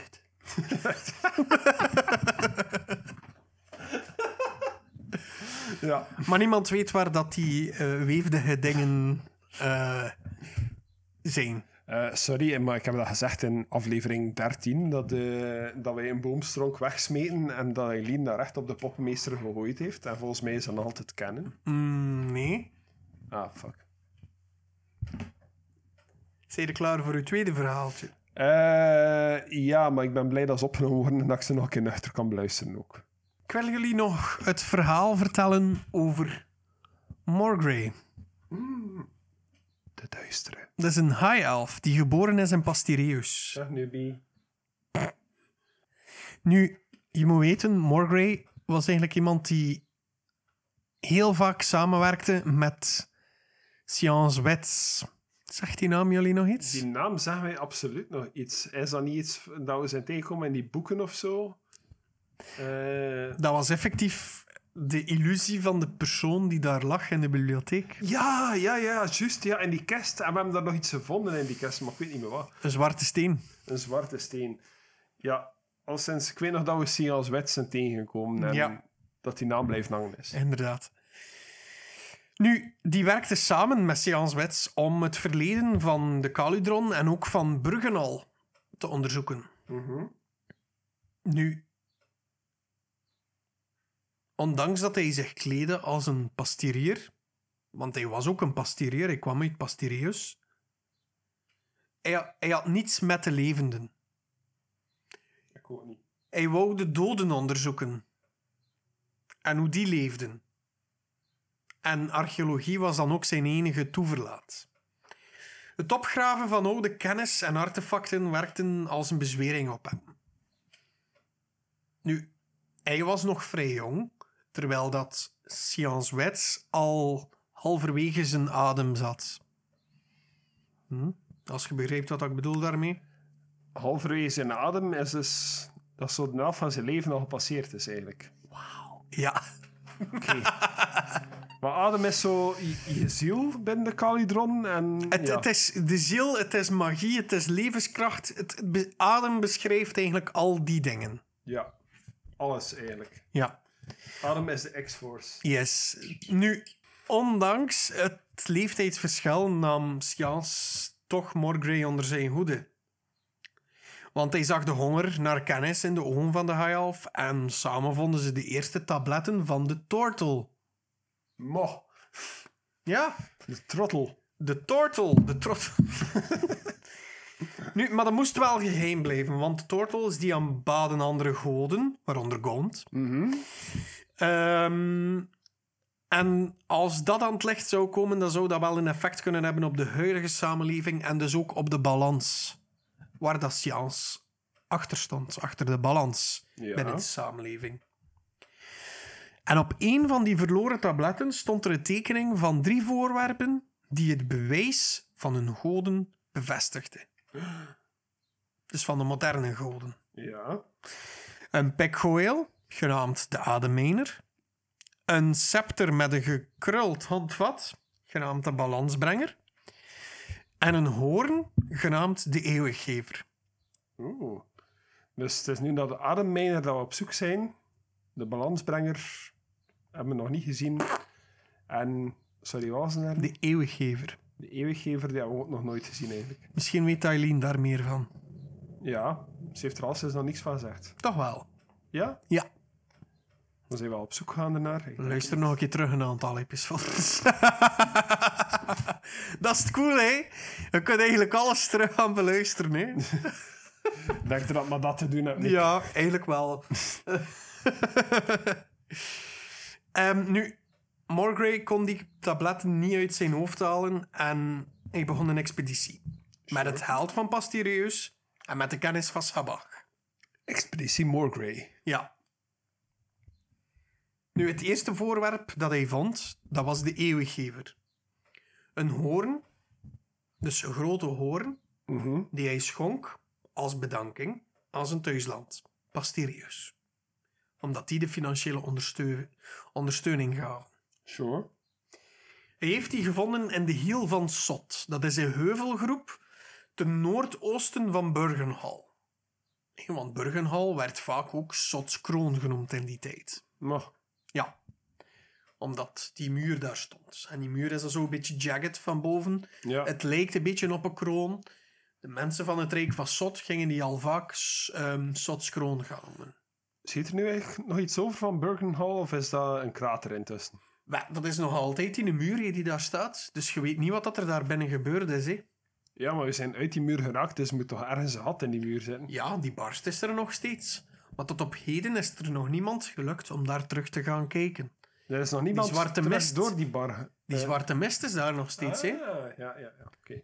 Snap je? Die zwarte mist zit tot bij Belmo. Zit nu al bijna tegen Kronhoven, waar dat jullie nu zitten. Ja, maar ik heb zo geen idee van de wereldkaart. Like, nu zitten wij net buiten Kronhoven. Hoe ver is dat van, eh van Burgenhall? Dus dan heb je eerst nog Belmo en een aantal andere dorpen. En dan heb je Antlerswoud, Ja, waar dat jullie ook tegen hebben gelopen, dacht ik. ja. ja En als je eh, het is door- daar dat we krak verloren zijn, Klopt, denk ik. inderdaad. En als je Antlerswoud doorkruist, komt je, als je dan richting het noordwesten loopt, komt je uit bij Burgenhal. Like, we zijn nu in BNM. Ja? Moesten we, moesten we van hier naar Burgenhall willen gaan, pak dat dit pas serieus is. Ja. Waar zou Burgenhall zijn? Ehm Oostende? Oostende. Dus een half uur ongeveer. Een half uur. Een half uur met, Met auto, ja. Te voet denk ik dat die langer zal zijn. Een beetje langer. Goed. Je moet wel weten, Morgrey had een favoriete tool. En dat was een pekhoeel. Mhm. De ademmijner. Nee, want die had hij nog niet. Hij had een gewone pekhoeel. En hij liet die nooit los. Gebruikte die voor alles. Voor een weddenschap heeft hij er ooit eens mee gegeten. Zelfs. Maar doordat hij dat allemaal ermee deed, was hij er ook enorm handig mee. Niemand kon er vechten met een pekhoeel zoals dat Morgrey dat deed. Niemand. En doordat hij zo vaak in de aarde zat te vroeten en te kappen en te doen, Hij was zo zwart van stof en graven dat ze hem al lachend de bijnaam gaven Morgrey de Duistere. Oké, dus ik zit al heel tijd met die mensen lachen voor niets eigenlijk. Ja. Want het is een bijnaam dat hij gekregen heeft. Exact. Beetje gelijk Zwarte Piet met en de roet? Morgrey de Duistere en de aarde. Het is zo niet zijn emo-bijnaam dat hij zijn eigen gegeven heeft Nee. al aan zijn 14. Zo van, ah ja, mijn, mijn naam is Tom Asmodel, eh, Tom Marvolo Riddle, dus Tom ik ga I am. I, I am Lord Voldemort van maken. Nee. Nee. Nu, die scepter, de balansbrenger, vond hij samen met Science en Leocesië. En hij schonk die ook aan Science. Als teken van dank voor de kennis die ze samen onderzochten en toegang tot bepaalde archeologische sites. Want Science had redelijk wat aanzien. Hij was de eerste die Burgenal had kunnen binnenbrengen. eh, eh, die Schabachgeland ook heeft de, mee helpen eh, opst- opstel, opstarten. En had dus veel aanzien bij andere groeperingen, dus ook bij de dwergen. Dus mocht Morgrey mee. En ze hebben dat daar gevonden. Sure. Nu, het spekgeweel, de ademijner, dat was andere koek. Want dat zat in het reek van Sot. En Sot was al vrij verzwakt, maar had nog een zeer goede verdedigingslinie. En zij wisten dat Morgrey daarheen zou gaan voor het spekgeweel te vinden. De voorwaarde dat Morgrey mocht oversteken is dat hij zou blijven in het reek van Sot. En zowel Science als Pasteurieus adviseerden tegen. Maar Morgrey die ging ervoor. Want dit pikhoeel was zijn droomvoorwerp. Het was hetgeen wat hij wou vinden. En hij vond het en hij liet het nooit meer los. Hij zag dat als een teken van Sot. Hij moest de drager van dit houweel worden en de adem menen. Koude dateerde hem niet meer. De tijd evenmin. Alleen verbleekte zijn blik verder en verder totdat zijn ogen zo blauw en zo leeg waren als het oog van Sot zelf. En het volk van Sot had zijn nieuwe leider gevonden in Morgrey. De andere rijken dachten een nieuwe bondgenoot te hebben met Morgrey. En in het begin was dat ook zo. Morgrey hield zich nog steeds bezig met het zoeken naar de doden en vond zo de eerste nieuwe stenen. Hij wou ook Schabach inschakelen om deze te onderzoeken. En wat bleek? Het waren buiten kaludrale st- gesteenten. Dus stenen van buiten de kaludron. Iedere steen leek een andere eigenschap te hebben en de stenen die bleken ook te resoneren met het houweel. Degenen die licht gaven, doofden na aanraking met de ademijner. Het moment dat Morgrey dat zag, ehm, ging. Het moment dat Morgrey dat zag, versperde zijn blik. Hij, hij, hij had door wat de rest nog zocht. De stenen bevatten adem. En de ademmijner meent hij eruit om zo krachtiger te worden. Ondertussen had Schabacheland het eh scepterken, de balansbrenger, verkocht aan Pasteurieus. Om zo het orgaan op te bouwen. Je weet wel, het orgaan, dat grote gebouw in Burgenal. Ja. De diepe put in het midden werd een monument van wijsheid en leiderschap. En dat was het eerste, do eh, het eerste doorn in het oog van Morgrey. De fluisteringen op zijn hof begonnen overhand te nemen over zijn gezond verstand. Ook het houweel leek een vorm van macht te hebben over hem, want het wou adem menen. En toen plots, een paar jaar later, brak er een oorlog uit. De eilanden uit het oosten dieden een aanval op het westelijke continent. Het westelijke continent zeiden het Rijk van Sot, Schabacheland en ehm Pasteurieus. Ja. De strijders waren groot en sterk, maar niet echt slim. Maar ze hadden wel voldoende verstand om in te zien dat blijven strijden niet nodig was. Een leider, Antler, wist dat dit niet ging kunnen blijven duren om te winnen. Dus stelde hij een ultimatum voor. Hij wou land en rust. Dus kreeg hij Antlers Woud. Een bos dat op de smalste verbinding van het westelijke continent groeide. En jammer genoeg vond Antler daar rust. Je kunt al raden hoe. In de vorm van standbeeld? In de vorm van dood. Ah, Want Morgrey hanteerde toen voor het eerst de ademijner ja. om Antler te doden. En daar ontdekte Morgrey de echte kracht ervan. Nu, die was zo krachtig dat er een deel van Morgrey leek in een winterslaap te zijn. Waardoor dat hij gevangen kon genomen worden en tot recht gebracht worden in Burgenal, op de toren. Ja, sure. Ze ontbonden de ademijner in twee delen. Eén deel werd opgeslagen op het kerkhof in Schabach, het hoofd, de hoofdstad van Schabachland. En het andere deel werd ergens ge- verborgen en gegeven aan de dwergen, om in een mijn te verbergen. Twee delen, dat is echt zomaar een halve effort ook. Hè. Zelfs William Wallace hebben ze lekker in zes gedeeld of Ja. Klopt. Dat is waar. Maar toch, er waren maar twee delen. Het kopgedeelte en de stok. De rest konden ze niet vernietigen.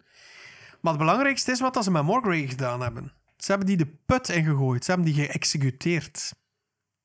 Is Morgrave dan dat monster uit de eerste aflevering geworden? Dat is een goede vraag. En dat ga je nog moeten te weten komen in de volgende episodes van 11 voor 12. Nee! Dat waren mijn verhaaltjes. Dat waren mijn verhaaltjes. Alsjeblieft, een beetje lore op een plateautje geserveerd. Een beetje lore. Met eh, marinade van Captain Morgan. Maar ik zal zeggen, ik denk dat ik hier beter naar kan luisteren wanneer dat ik eh, geen, geen vier glazen Captain Morgan in mijn Ik denk dat ik het beter kan vertellen als ik niet gedronken heb. Maar ik heb toch mijn best gedaan. Oké, maar... Dus ga mij een eh, backstory van Popmeester en van Morgrave geven nu. Yes. Of toch de, de, de lore, zo, de, de roddels die eigenlijk verteld worden in Calydron. Ja, Maar de aangezien, Urban Legend. aangezien dat hij de Calydron maakt, ver, ver- eh, veronderstel ik dat het wel werkelijkheid is. Misschien. Misschien. Misschien heb ik hier gewoon een, eh, een uur onzin zitten verkopen of een half uur. Nee, zit het af te lezen, dus met niks. is. Maar ik vond het zeker leuk. Ik denk dat we hier kunnen afronden. Eh, ja, hey, we zijn al bijna twee uur bezig. Of we, al over... we zitten al twee uur en drie minuten. Dus eh, ja, ik Dat is geen probleem. ga je nog een beetje in knippen, denk ik. Ja, maar we moeten onze luisteraars redelijk wat cadeau geven, want ze zitten nu al zo lang te wachten op een nieuwe episode. Het is dat. En nu staan we het nog een keer een week, eh, twee weken uit eigenlijk. Maar dus binnen twee weken sorry. is normaal gezien de bedoeling dat de nieuwe EVT uitkomt. Ja, Maar- als jullie bij een eh, geheim clubje willen komen, dan kunnen jullie altijd bij de EVT Community komen eh, op Facebook. Stuur ons gerust een invite, of vraag ons gerust een invite. Je kunt ook altijd uw mening geven via Discord of via de gewone Facebookpagina of gewoon in private chat naar mij of naar Jens of naar Eileen. Ik hoop dat we de volgende keer jullie kunnen voorzien van een nieuwe episode, want ik kijk er naar uit om terug te DM'en voor Team Awesome. Yes, dat zou echt wel eh, awesome zijn. Hè. Dan rest er mij niets anders om jullie nog een goede maand te wensen. En hopelijk tot binnen twee weken. Chokers! Chokers, bikers. Het komt goed hoor. Je doet dat goed, mijn zoon. Voor Kronalven!